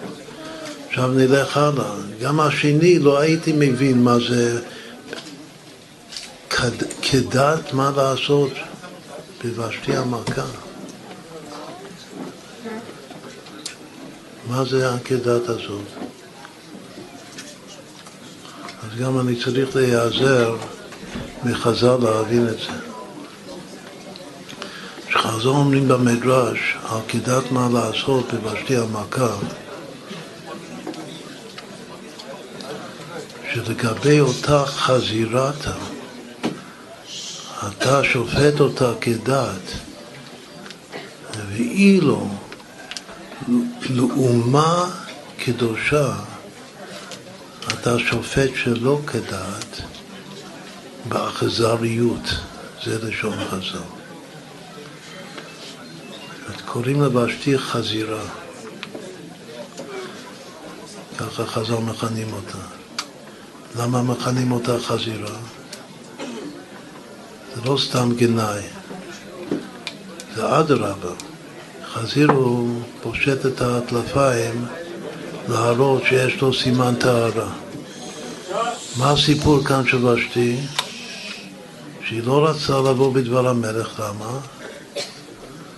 רצתה לבוא ערומה עם הכתר, מה זה הכתר שלה? זה, זה הקורונה. תכף, תכף נסביר, זה כבר השיחה הבאה. היא לא רצתה, חז"ל אומרים שהיא הייתה עם מידת צניעות.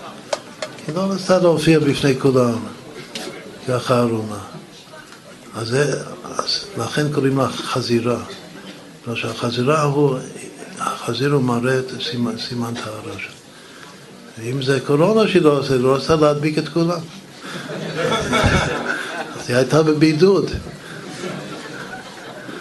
אז בגלל שהייתה בבידוד, אז, אז בסדר, אז בסוף הרגו אותה. לא כתוב שהרגו אותה, זה רק חז"ל מבינים שהרגו אותה. בסוף. עכשיו, מה, מה חז"ל אומרים? שהעקידת מה לעשות שהלבשתי דנו אותה במשפט, במשפט רחמי. כתוב בתיקוני זו. מה הרחמים? אפילו שבסוף, שהוא לא כתוב בפירוש הגותה, אפילו בסוף כן הגותה, אבל הגותה כתוב בדיני ישראל. התרגום כאן כדעת מתרגם זה קורייתא, גם כן כדעת תורה. ברור לו מיתה יפה. ביררו לה, כתוב ואהבת לרעך כמוך, שאם מישהו חייב מיתה, אז צריך לברור לו מיתה יפה. אז ככה לגבי ושתי כתוב שבביררו לה מיתה יפה, עם גירוטין, גירוטינה. ככה כתוב, שזה לא כואב. היא הייתה חייבת מיתה, היא לא, לא באה בדבר המלך, אבל כדעת לא באכזריות. גם דנו אותה, ובסוף, שגם העונש שלה זה היה ב... ברחמונס. ואילו אומה קדושה הוא דן שלא כדעת, הוא לא עשה להם שום משפט. והמילה, המילת המפתח כאן שחזור אומרים באכזריות. כלומר שמשווים את המשפט של ושתי כנגד המשפט שהוא רצה לעשות נגד עם ישראל, שהמשפט של ושתי, גם שהרגו אותה זה ברחמים, והמשפט כנגד עם ישראל, שרצו להרוג את כולם, להשמיד, להרוג, לאבד את כולם, זה באכזריות. אז אם כן, איפה העקדת כאן? לאיזה, איפה הוא שייך? הוא שייך למשפט רחמי. זה תפארת, זה ספירת התפארת. זה השני. אחר כך הכדת השלישית זה כדת הנשים 12 חודש. כי כן ימלאו, ימלאו ימי מלוקיהם שישה חודשים בשמן המור ושישה חודשים בבשמים ובתמרוקי הנשים. זה נצח פה. מה זה שמן המור? מה זה, מה זה בשמים? זה כמו שמן וקטורת, השורש שלהם זה חוכמה ובינה, אבל במידות של הלב, קודם כל זה, זה תרי פלגי גופא. לוקחים את המעגל השלם של השנה של 12 חודש, מחלקים אותו לשניים, לשני חצים, שתי פגי גוף, ואחד זה שמן המור, שזה המשכה מחוכמה לנצח, כתוב, והשני זה פסמים ותמלוקי אנשים, שזה המשכה מבינה להוד. והכל זה זה בשביל לייפות את, את הנערה, כל נערה ונערה, להביא אותה בסוף לאחשוורוש. זה תיקון המעשה. זה, זה המעשה וכאן זה בדיוק חלוקה של טרין פלגי גופה. עכשיו, אפשר לומר שהכי ברור מכולם זה הבא אחריו. מה הרביעי? ובכן, אבוא אל המלך, אשר לא חדת וכאשר עבדתי עבדתי. חזר? כאן החזר הוא קרוב לפשט. מה זה אשר לא כדת? אסתר אומרת שאבו אל המלך אשר לא כדעת. שעד עכשיו באונס, ועכשיו ברצון. לכן כאשר עבדתי מהאומה שלי, כך עבדתי ממך. ותהי לו לבד לבית, הייתה נשואה למרדכי, וכאשר עבדתי מעם ישראל, שכבר כאילו התבודדה בין העמים, בארמון של אחשוורוש, כך עבדתי ממך. בגלל שעכשיו אני הולכת ברצון. עם כל זמן שהיא הלכה באונס, אז היא עדיין מותרת למרדכי, אבל ברגע שהיא הולכת ברצון, היא כבר אסורה על מרדכי. אז אם כן, מה זה אשר לא חדת? זה פגם הברית. זה יסוד. אשר מכולם זה הכי ברור. ובכן אבוא אל המלך אשר לא חדת וכאשר עבדתי עבדתי. אחר כך, אחרון חביב, זה תיקון המלכות. שמה זה, מה תיקון המלכות?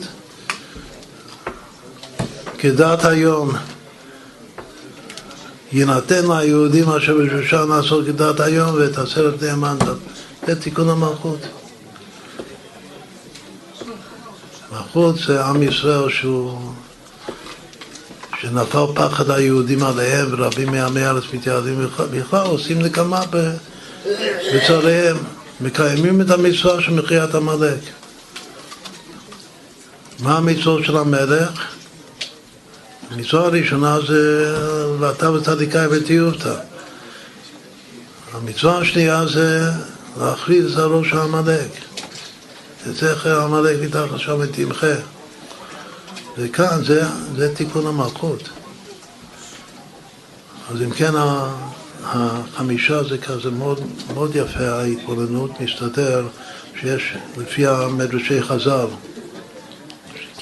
חז"ל הבינו את זה, אנחנו זוכים בזכותם להבין קצת. שיש חסד וגבורה ויש תפארת ויש נצח והוד ואת הימין והשמאל הולך ביחד. יש יסוד ויש מלכות. זה הקו האמצעי. בסדר, עד כאן, עד כאן השיחה הזאת, לחיים לחיים. לחיים לבוא.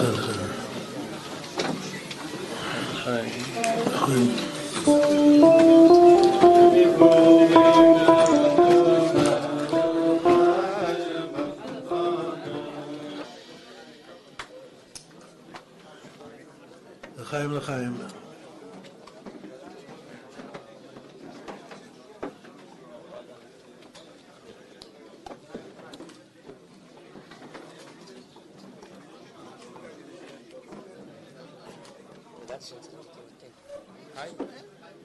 מה- הסימן של אה, שימות המשיח?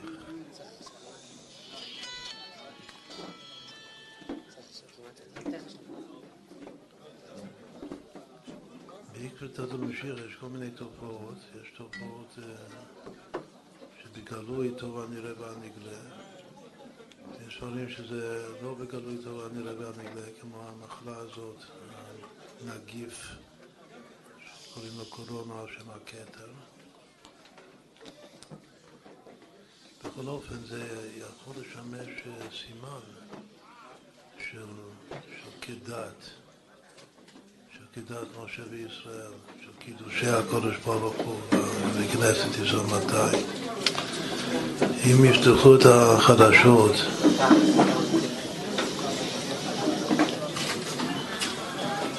וישמעו בחדשות ש... שמשרד הבריאות ממליצה לכולם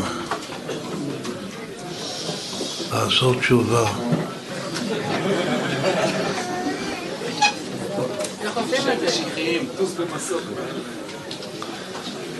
זה כבר סימן של ימות המשיח.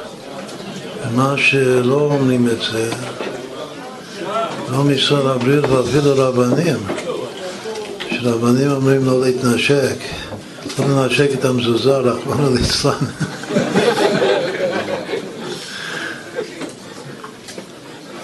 לאן הגענו, רבני ישראל?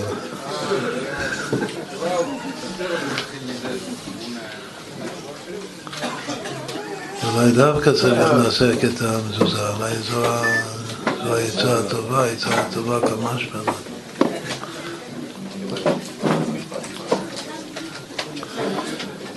אפשר קודם לחטא את המזוזה ואחר כך לנשק אותה.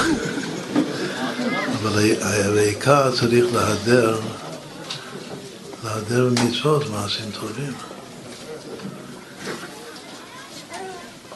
זה בדיוק הבעיה שלנו כאן בארץ, שלא לא יודעים, את ה, לא יודעים לקרוא את הסימן על הקיר, אשר קולך בדרך, יש סימנים על הקיר, צריך לדעת איך לקרוא אותם. מיני מיני תקל ופרסין, גימטרי שמע ישראל של אלוקינו השם אחד. כן.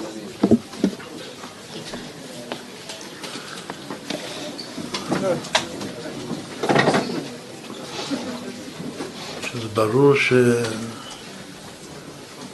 שכל מה שהשם עושה, עושה בשביל אה, ללמד אותנו.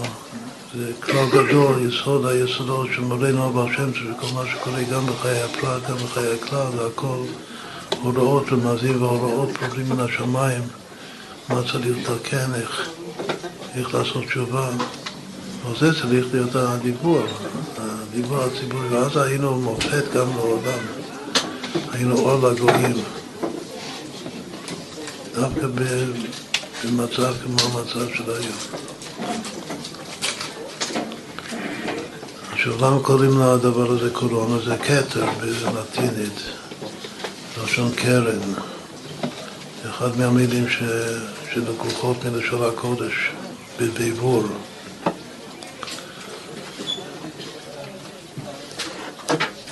למה? בגלל שהחיידק, כשמסתכלים במיקרוסקופ, אז החיידק הזה הוא דומה לכתר, הכל כמו כתר. לכן אה, נתנו את השם הזה.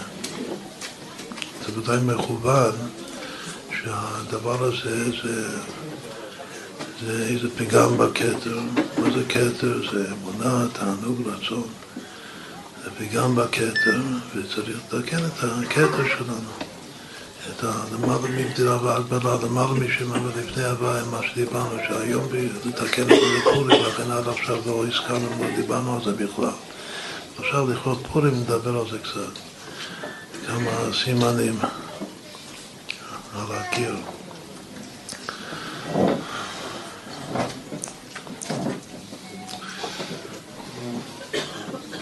ושמעתי אומרים ש... נקרא, מפרסמים את זה בו, כאילו בעולם קצת, שרש"י רמז ברוח הקודש שלו לדבר הזה במילים קורונה. איפה הוא כותב קורונה? כתוב לא תאכלו ממנו נע בקורבן פסח, שייך קשור לפסח, לשמשון בן פסח. דרך אגב, שמשון שווה שלוש פעמים דבר הוויה. שזה שלושת הפירושים שחז"ל שאמרנו קודם, דבר הוויה זו הלכה, דבר הוויה זו נבואה, דבר הוויה זה הקץ. הגבולה. זה הקץ כאשר קץ המח חושך, שגורמים עם התופעות הלא טובות, שזה לא טוב בתור הנראה והנראה, צריך לשים קץ, וזה הקץ, קץ הגבולה, קץ המחושך. הכל ביחד זה שמשון.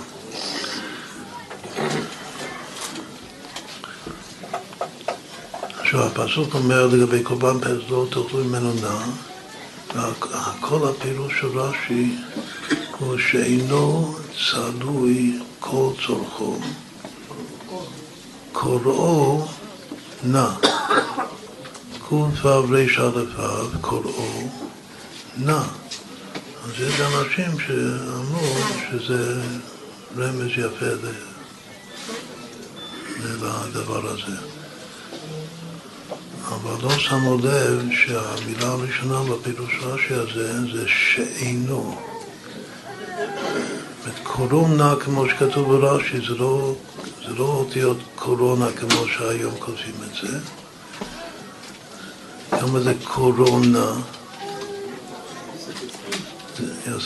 זה 364, אבל קורונה, כמו שכותבים את זה בעיתון, 367, זה המספר שצריך להתבונן בו. 367. אבל מה המילה הראשונה של רש"י באותו פירוש רש"י? שאינו. זה משהו, כאילו על פי שני עדים זה משהו מיוחד.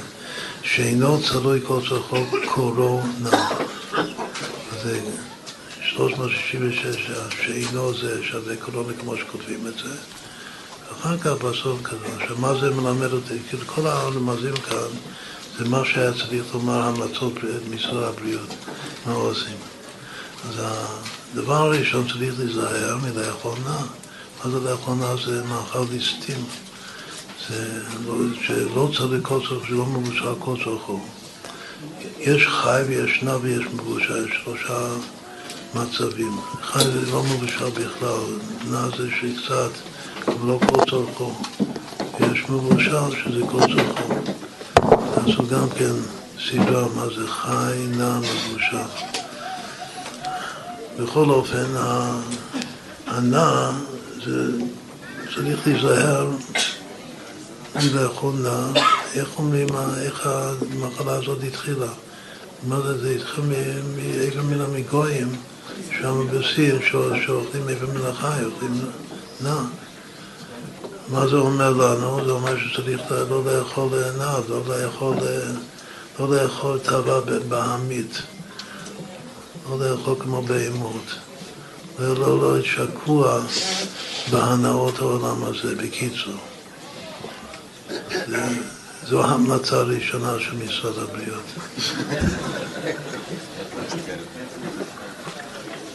גם ששווה אכל עבר מן החי. מה? שלוש ששבע שווה אכל עבר מן החי.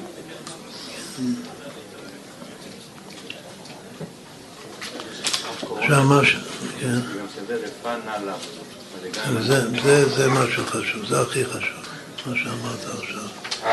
וזה חלק מהפרצוף. מה שנעשה עכשיו בקיצור, לסיום נעשה פרצוף של גמטיות והספירות של 367. 367 שוב, הלשון זה, אמרנו שזה גם הקרניים של השתייה מלכה וגם הקטע מלכות שלה, יש שלוש פעמים קטע מלכות במגילה אצל ושתי, אצל אסתר, אצל מרדכי. כתר מלכות הלא טוב זה הראשון, שזה של ושתי, שהיא תבוא בכתר מלכות.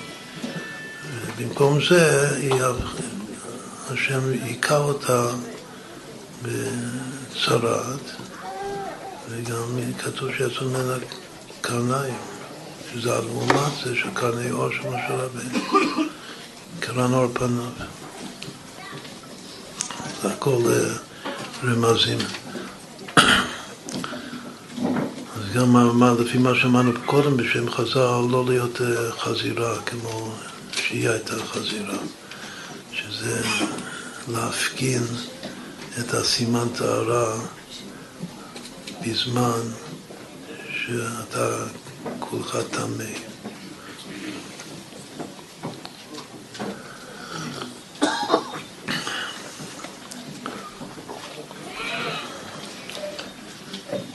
נלך לפי הסבירות. בכתר, כמה שווה המילה כתר במספר קדמי?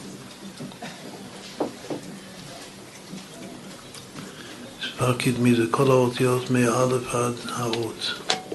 אז כ' זה מאלף עד כ' זה שווה 75. ת' זה כל האותיות, כל האלף בית זה ת', זה 1495. וריש זה 795. אז כתר במספר קדמי, כמה שווה? עכשיו יש סוד שנקרא איכה ירדו אחד אלף, שזה חזרת הגלגל, זה להציל את האלפים לאחדים. אז מה קורה שאני, זה 2365, אז בחזרת הגלגל זה שווה 367, שזה קורונה. זה המילה כתר.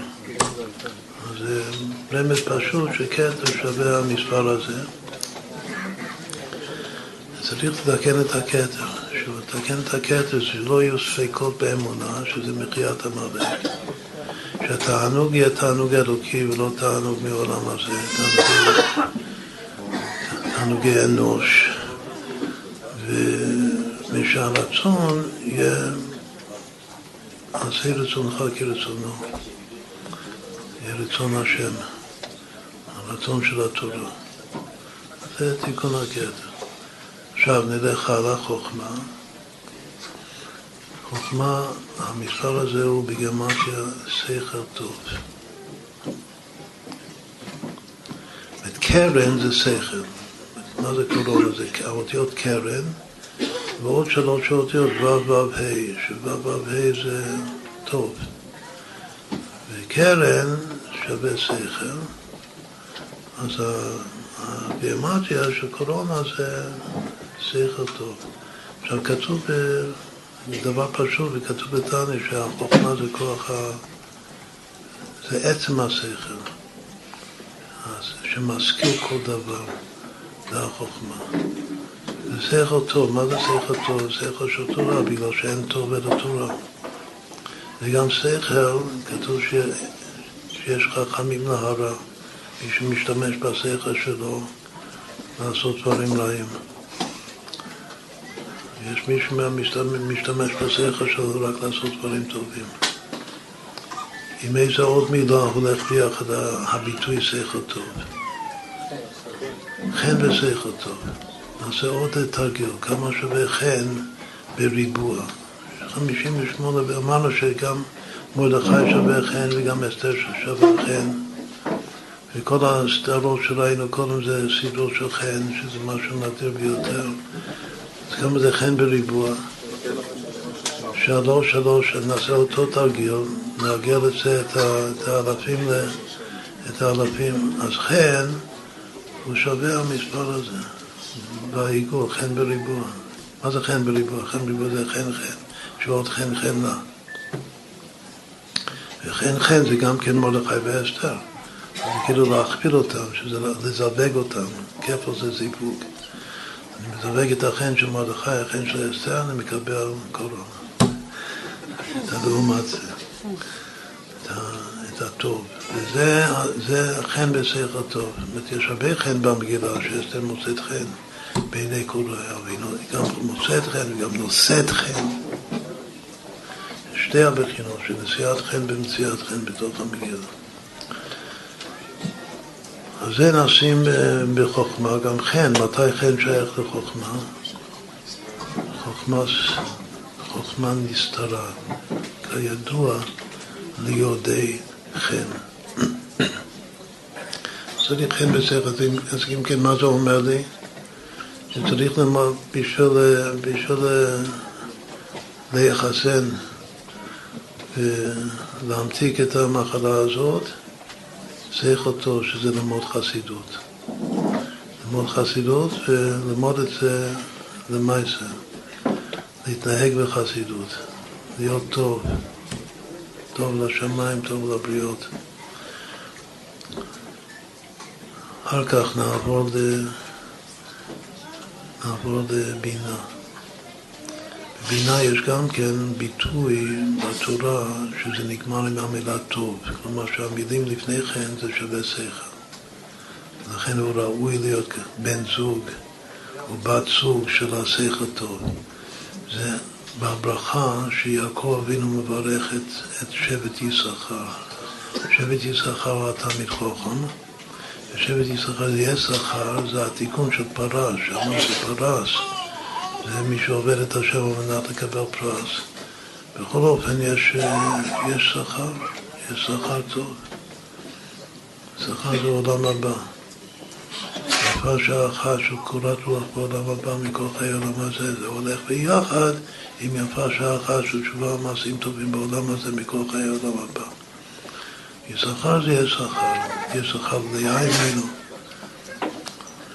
שיצא בשביל לצבוע בפה יעקב, היא רצתה ילדים, זה השכר שלה. השכר של אימא, שכל אישה זה הרבה ילדים שיהיה לה. שכר זה שכר מצווה מצווה, כתוב בתניא, שמה זה השכר זה המצווה בעצמה. ככה זה השכר המתוקן. עכשיו הוא, בקבלה יששכר, שכר זה עולם הבא זה בחינת בינה, מה הברכה שלו? שהמילה האחרונה זה טוב. וירא מנוחה כי טוב. וירא מנוחה כי טוב שווה קורונה. וירא מנוחה כי טוב. כלומר שוירא מנוחה כי שווה שכל או קרן, ואחר כך זה טוב. מה זה מנוחה? זה גם כן מנוחה לחיי עולמים. יש שלושה פירושים על פי פשט מה זה וירא מנוחה. יש שלושה תרגומים לתורה. תרגום אונקולוס ותרגום תרגום יונתן ותרגום ירושלמי, כל אחד מתרגם את זה אחרת. אונקלוס מתרגם כמו הפשט של רש"י, שוויה מנוחה זה הולך על הנחלה שלו בארץ ישראל. שהנחלה שיששכר זה, זה מנוחה. ותרגום יונתן מתרגם את זה שזה הולך לעולם הבא. שהוא ראה את העולם הבא. מי אמר שדבר ראשון בבוקר צריך לזכור את העולם הבא? רבי כותב את זה. זה, מה זה לזכור את העולם הבא? להזדהות לפי זה עם, עם, עם יששכר, היער, דבר ראשון, והיער מנוחה כי טוב, ולפי הוויה מנוחה כי טוב, ככה לתכנן את כל סדר היום שלך. תרגום אה, ירושלמי, שלפעמים הוא קצת אחרת מתרגום יונתן, אז הוא מתרגם את זה כאן, שהיה מנוחה זה כמו כי לא באת עד אתה אל המנוחה ואל הנחלה, הוא אומר שזה, מנוחה זה בית המקדש. יש לו בראש, כמו שאמרנו שיש אחד שעל המצח שלו כתוב אתה. זה אחד שכל הזמן הוא רואה את בית המקדש. מה זה רואה את בית המקדש? הוא רואה את הייעוד של משיח. מה משיח צריך לעשות? להחזיר בתשובה, למחות את זכר עמלק ולבנות את בית המקדש במקומו. לכן יש עוד שני שלבים שזה יחסית, זה בא בדרך ממילא כנגד חיי היחידה וקיבוץ גלויות כי אז זה יהפוך אל עמים שפה ברורה לקרוא כולם בשם השם לעובדו שם אחד. אבל שלושת הדברים שעושה אותו משיח ודאי לפי הרמב"ם זה שלושת הדברים האלה כנגד הנירן שלו שהשלישי זה בית המקדש. מישהו חושב על זה שכל מגמת פניו זה במקדש, זה פירוש של התרגום ירושלים, מה זה והיה מנוחה כי טוב. גם שלושת הפירושים אפשר לומר שזה חשמל חש את הנחלה בארץ, ההבדלה זה עולם הבא, וההמתקה זה בית המקדש בעולם הזה, ועשו לי מקדש, ושכנתי בתוכם, בתוך הלב של כל אחד ואחד. בכל אופן, והיה מנוחה כי טוב.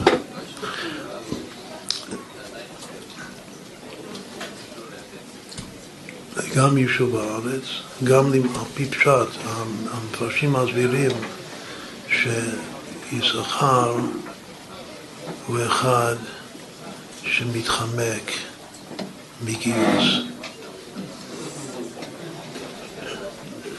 וישיב הבוחר שעושה כל המאמצים לא להתגייס לצבא.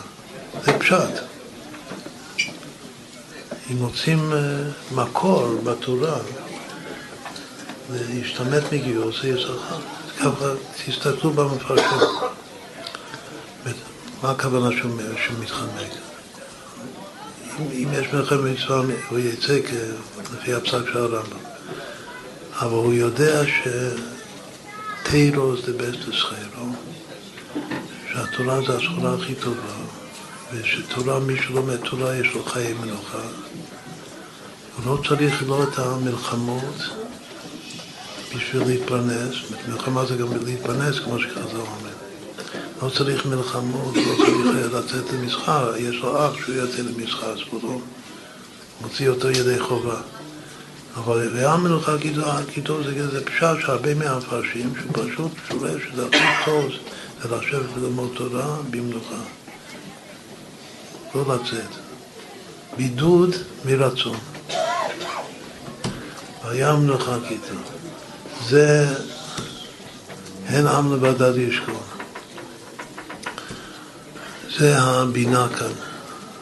יודעי בינה לעיתים, הוא מבין דבר מתוך דבר, והיה מנוחה כי טוב.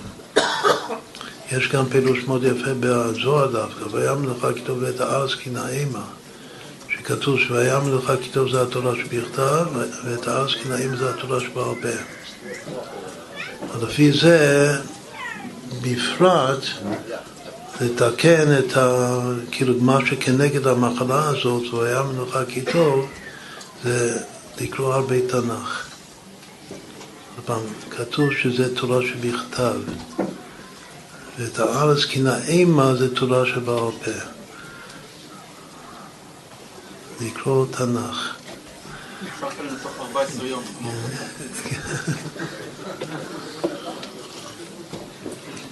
זה מגמה יפה, זה אפשר.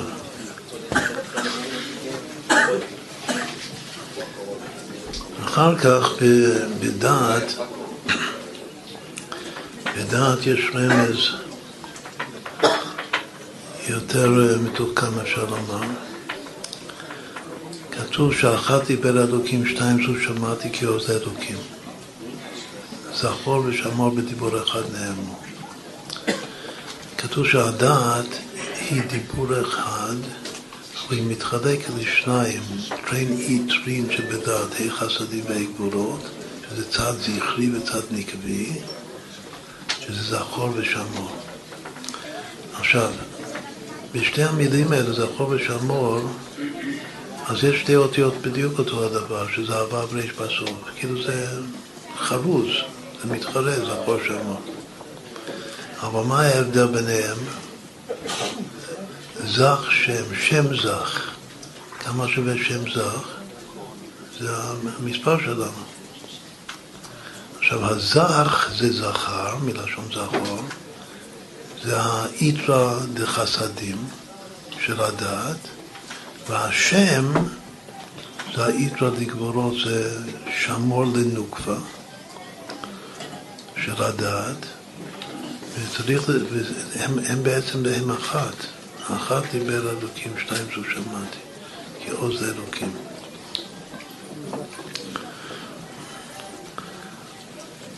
יש עוד מה לומר על זה, אבל נשאיר את זה בינתיים. נלך לחסד. חסד זה פסוק במשלי, פסוק יפה שמרגיש מה שאמרנו קודם, שהמצווה, אני מדבר בצדקה רב לא, שעיקר הישועה זה במצדקה. יש פסוק כן צדקה לחיים. כן צדקה לחיים שווה קורונה. אז הדבר הראשון זה המלצה מובהקת שכל הציבור יעדו להרבות בצדקה עד שהדבר הזה יעבור. גם, גם אחר כך צריך לתת צדקה. אבל עכשיו שיש, שיש סיבה מיוחדת שצריך לעשות זכויות, אז הזכות העיקרית זה להרבות בצדקה. כן, מה זה כן? כן זה, המפרשים מסבירים שכן, בפסוק הזה זה כמו כן בנות צרופך דובות, שכן זה אמת. כן צדקה לחיים. אמת, אין אמת ש...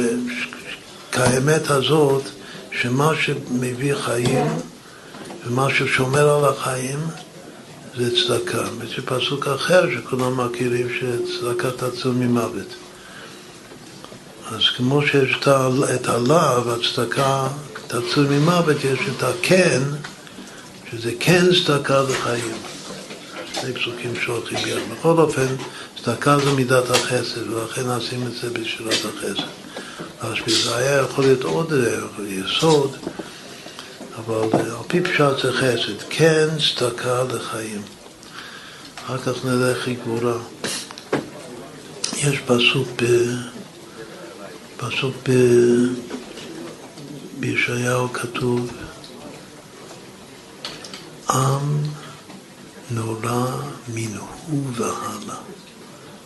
זה קשור למה שדיברנו קודם, שיש מעלה בגלות, שזה הנס של פורים, אפילו יותר מזמן הבית שאנחנו יושבים בארצנו, עם ישראל. הנביא קורא לעם ישראל עם נורא.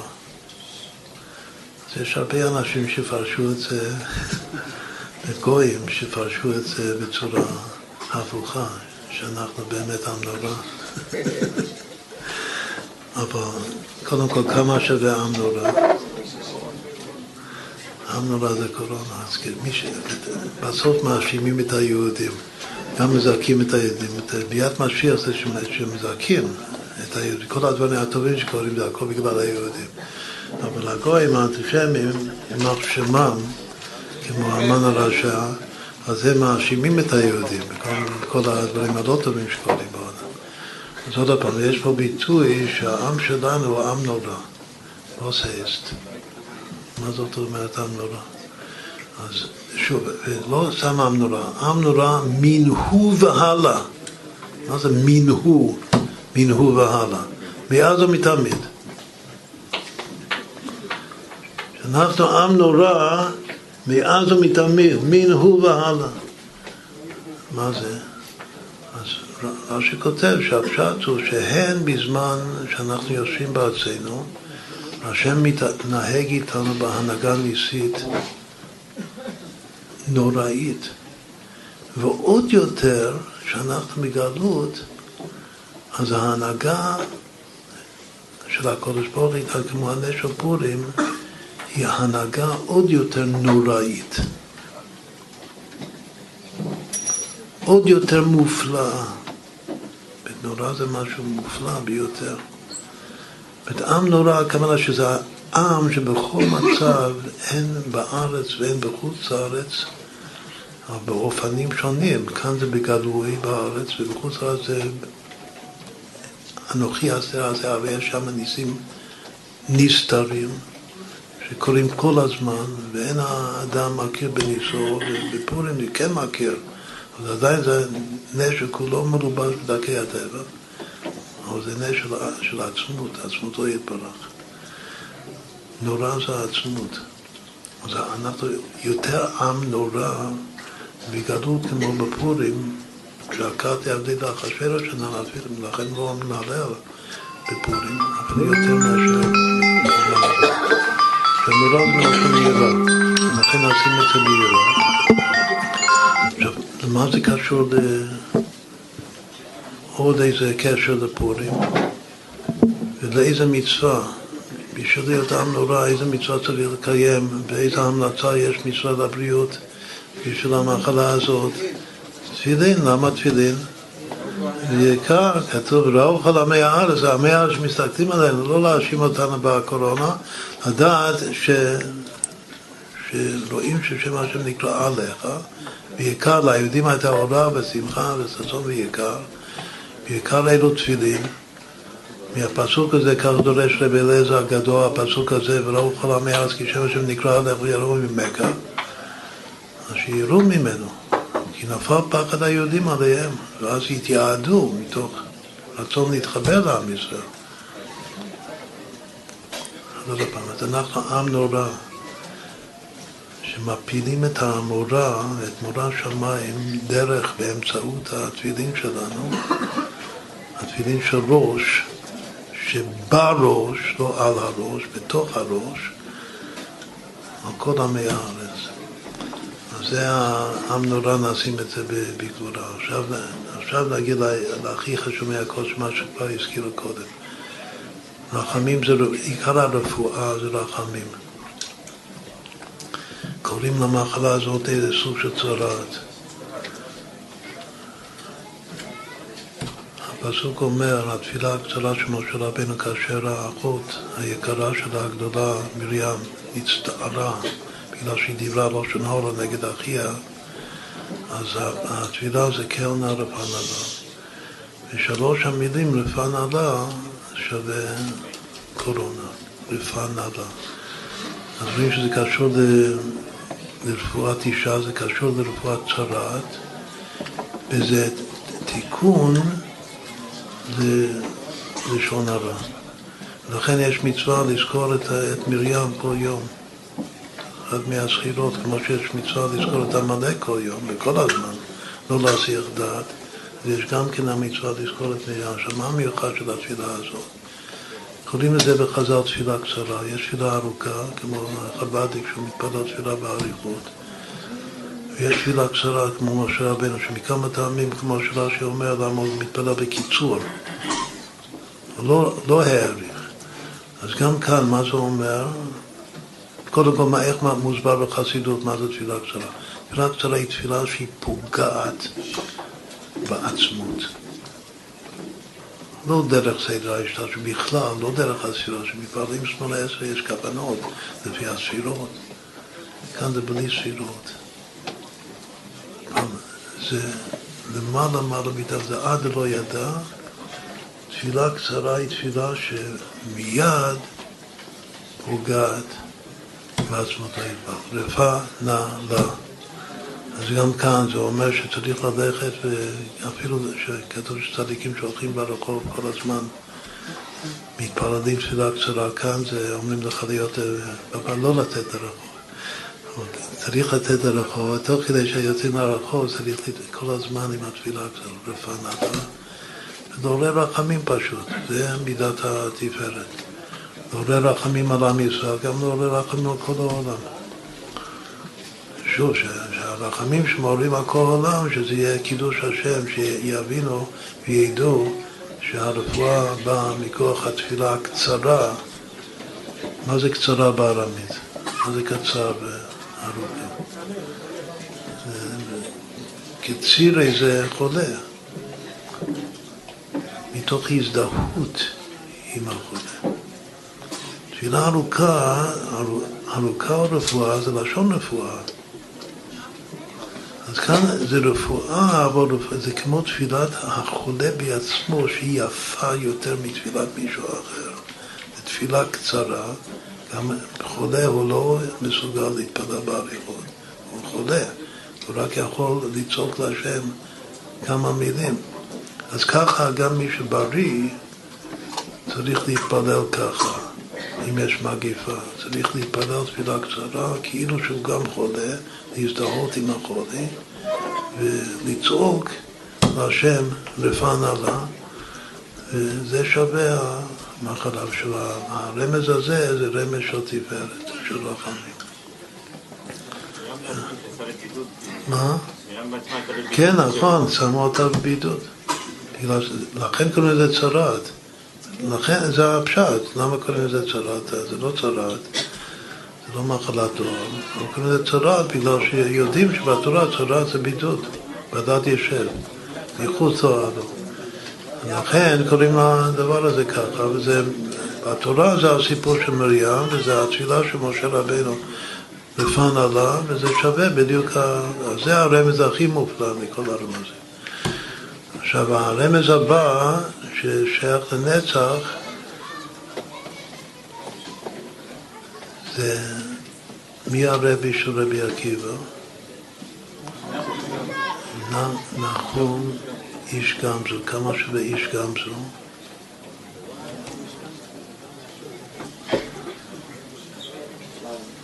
איש גמזו שווה קורונה. אז נחום קורונה קוראים לו. עכשיו, להיות איש, מה זה איש, איש גמזו? זה גמזו לטובה, כן? מתי הוא אמר את זה? באיזה הקשר הוא אמר גמזו לטובה?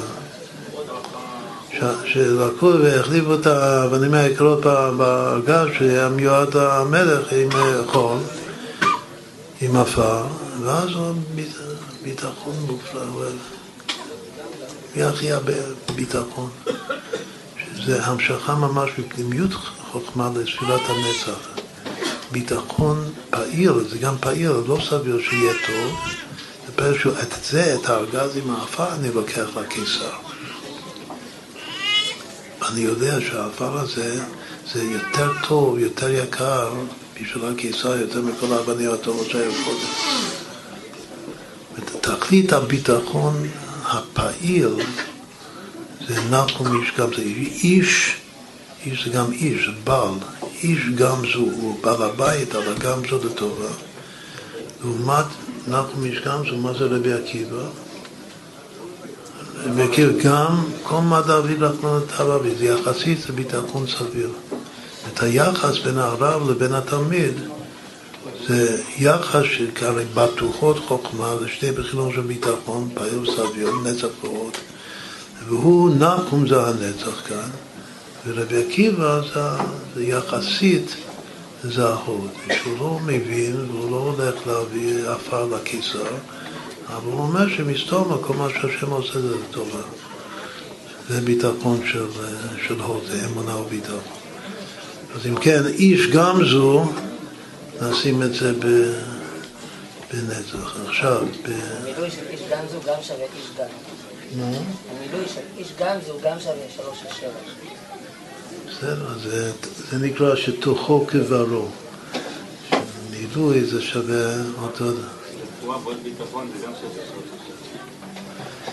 רפואה ועוד ביטחון, יפה.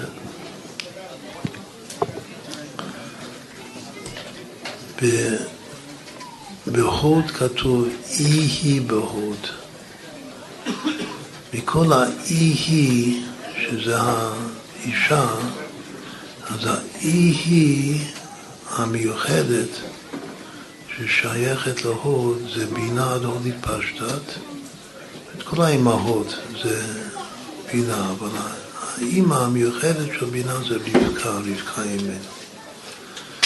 כתוב הנה רבקה, גמרתי שלוש, שש, שבע. איפה כתוב הנה רבקה? יש פעמיים, הרי הסיפור של, של, של, של השידוך, של רבקה ויצחק זה כתוב פעמיים, ושם כתוב פעמיים, והנה רבקה יוצאת, שהיא יוצאת מבין הקליפות.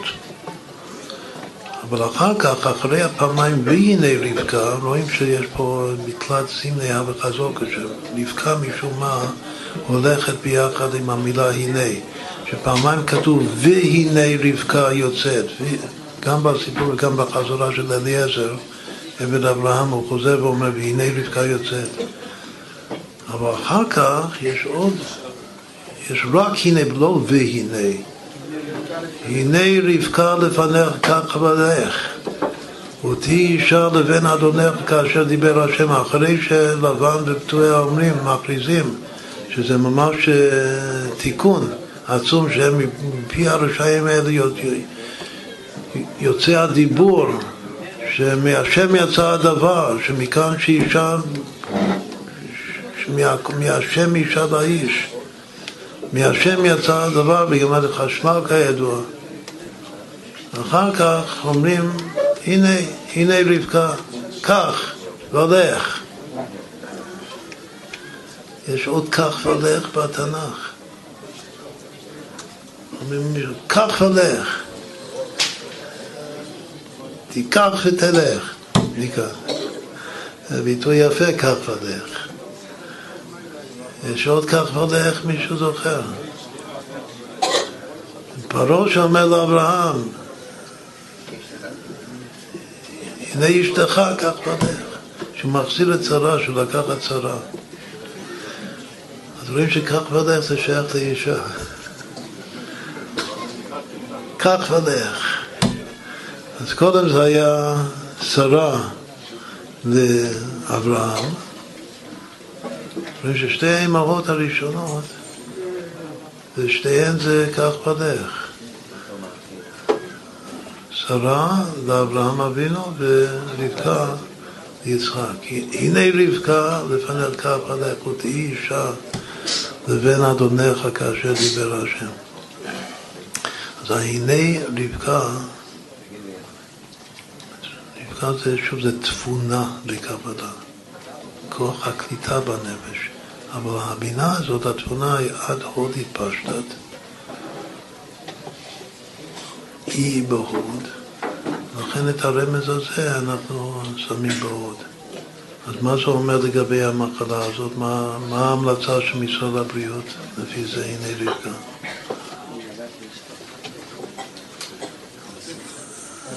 לעשות, זה, זה זמן טוב זה זמן טוב לעשות שידוכים טובים, להתעסק בשידוכים.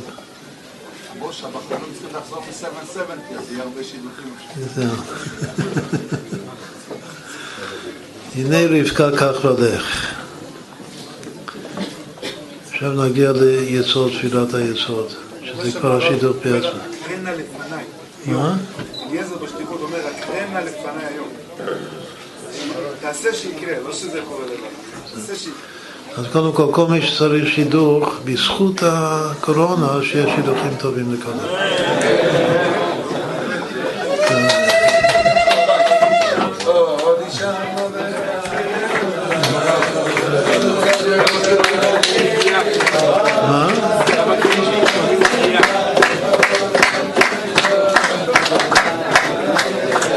בסדר, אנחנו מתקרבים לסוף. יסוד זה, יסוד זה מילה אחת.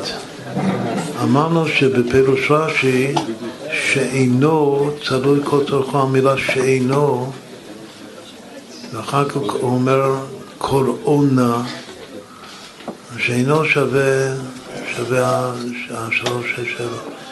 מהאותיות שאינו אפשר לעשות מילה, מילה אחת פשוטה.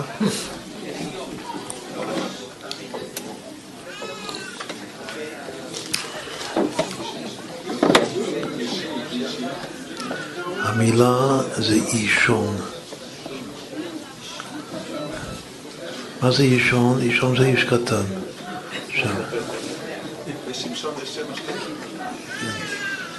ו' נ' בסוף מילה כמו שמשון, זה מקטין אותו. איפה כתוב אישון בתנ"ך?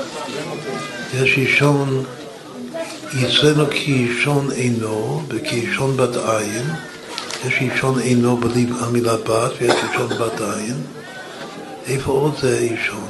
למה, למה הרד"ק מסביר, למה קוראים לזה אישון? אישון זה השחור שבעין. אבל דרך השחור רואים, דווקא באישון רואים. ומה מה שרואים, אני מסתכל על מישהו, אז מה הוא בא... אני רואה איש קטן הפוך. מי שמסתכל בעין, אחר כך המוח הופך את זה עוד פעם.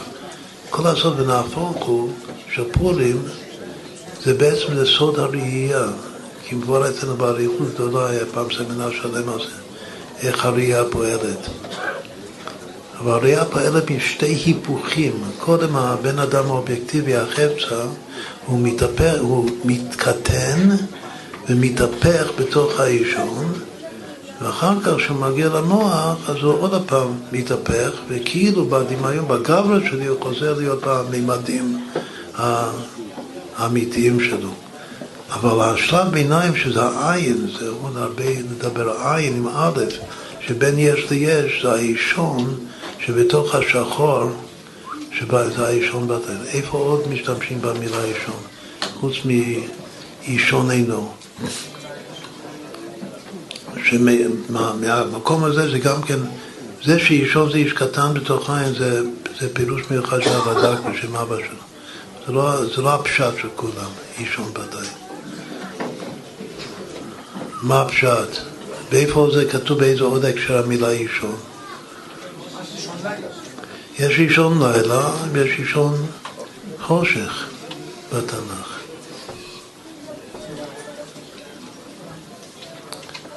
מקלל אבי ואמו נרו ידעך כי אישון חושך. משרד הבריאות להדר בכיבוד אב ואם. צריך להדר בכיבוד אב ואם. זה שמירה נגד המחלה הזאת. בגלל שכתוב שמקלל אבי ואמו יידח נרו, כי אישון הכתיב זה אישון, כי אישון חושך. כלומר, הפירוש של אישון זה, זה חושך, זה לילה. וגם אישון העין, הפשט, זה לא בגלל שזה איש קטן, בגלל שזה שחור. בכל אופן זה איש, זה איש קטן, אישון. ומי זה האיש קטן? איזה ספירה? זה ספירת היסוד. הצדיק יסוד עולם הוא האיש הקטן הזה. שהוא גם חושך, וגם לילה.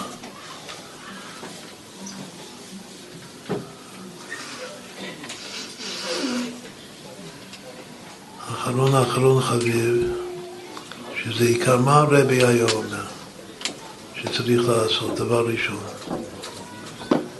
כל מזקנות תפילין. אם יש, מה, מה הדבר הראשון שצריך לעשות על פי תורה? דבר ראשון זה מזוזות. מה זה מזוזות? זה, אז מוות. זה הוראה קבועה שהרבי ועל פי חז"ל. דבר הראשון זה ההמלצה הראשונה, זה גם משרד הבריאות וגם ראש הממשלה, וכולם צריכים לקחת את המיקרופון. חבר'ה, דבר ראשון, לבדוק מזוזות. אם לא בדקת במשך השנה האחרונה, צריך לבדוק. עכשיו, צריך להיות רמז בשביל זה. עכשיו, איפה בספירו, איפה המזוזה? זה המלכות, מזוזה וגמטיה אדנות, שם אדנות. מזוזה היה המצווה של הבית, וזה שמירת הבית, שמירה מחיצונים, מחיידקים, מחיצונים שלא ייכנסו, מנגיפים שלא ייכנסו, שזה המלכות. מה הרמז? כשכותבים את המזוזה, כותבים בפנים שמע ישראל השם אלוקינו השם אחד, שלושת השמות של השם זה השם, אלוקינו השם. מה כותבים בצד האחר? מה?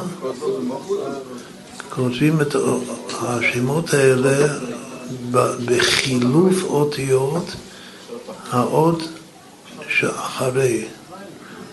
אז במקום הוויה כותבים כ"ו ז' ו' כול, כ"ו זה הוויה זו זה אחד, אז רק בשם הזה יש השם אחד. השם הופך להיות השם אחד. ואלוקינו כותבים ב' מ' ו' ת' ס' ז', ששווה כמה? 135.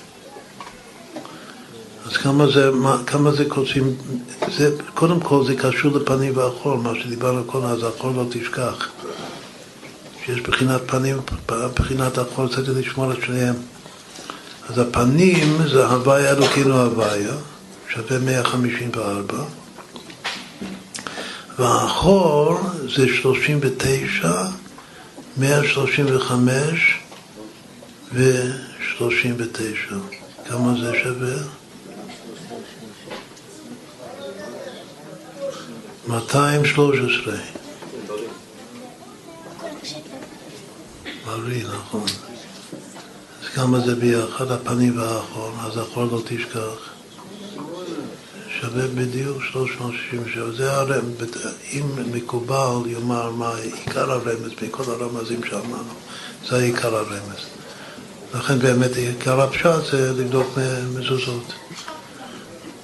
אבל זה גם אומר שהמזוזה כשרה עם השמות האלה, הפנים והחול, זה שאומר בטוח, אתה מחוסן לחלוטין. ואז גם כן וראו כל הארץ, שהנה היהודים מחוסנים. זה בזכות המזוזה, המזוזות הזמן. שוב, זה כוונה מפורשת של קבלה הפנים והחול של המזוזה שווה, המספר הזה של, של קורונה. אז לחיים לחיים, ש, שמאז יצא מתוק. לחיים, היום שמאז יצא מתוק זה פורים, בגלל שחי הבין יש לבסומי. מה זה לבסומי בפוריה? לבסומי זה לשון מתוק. שיהיה מתוק. כן. לחיים, לחיים, לחיים.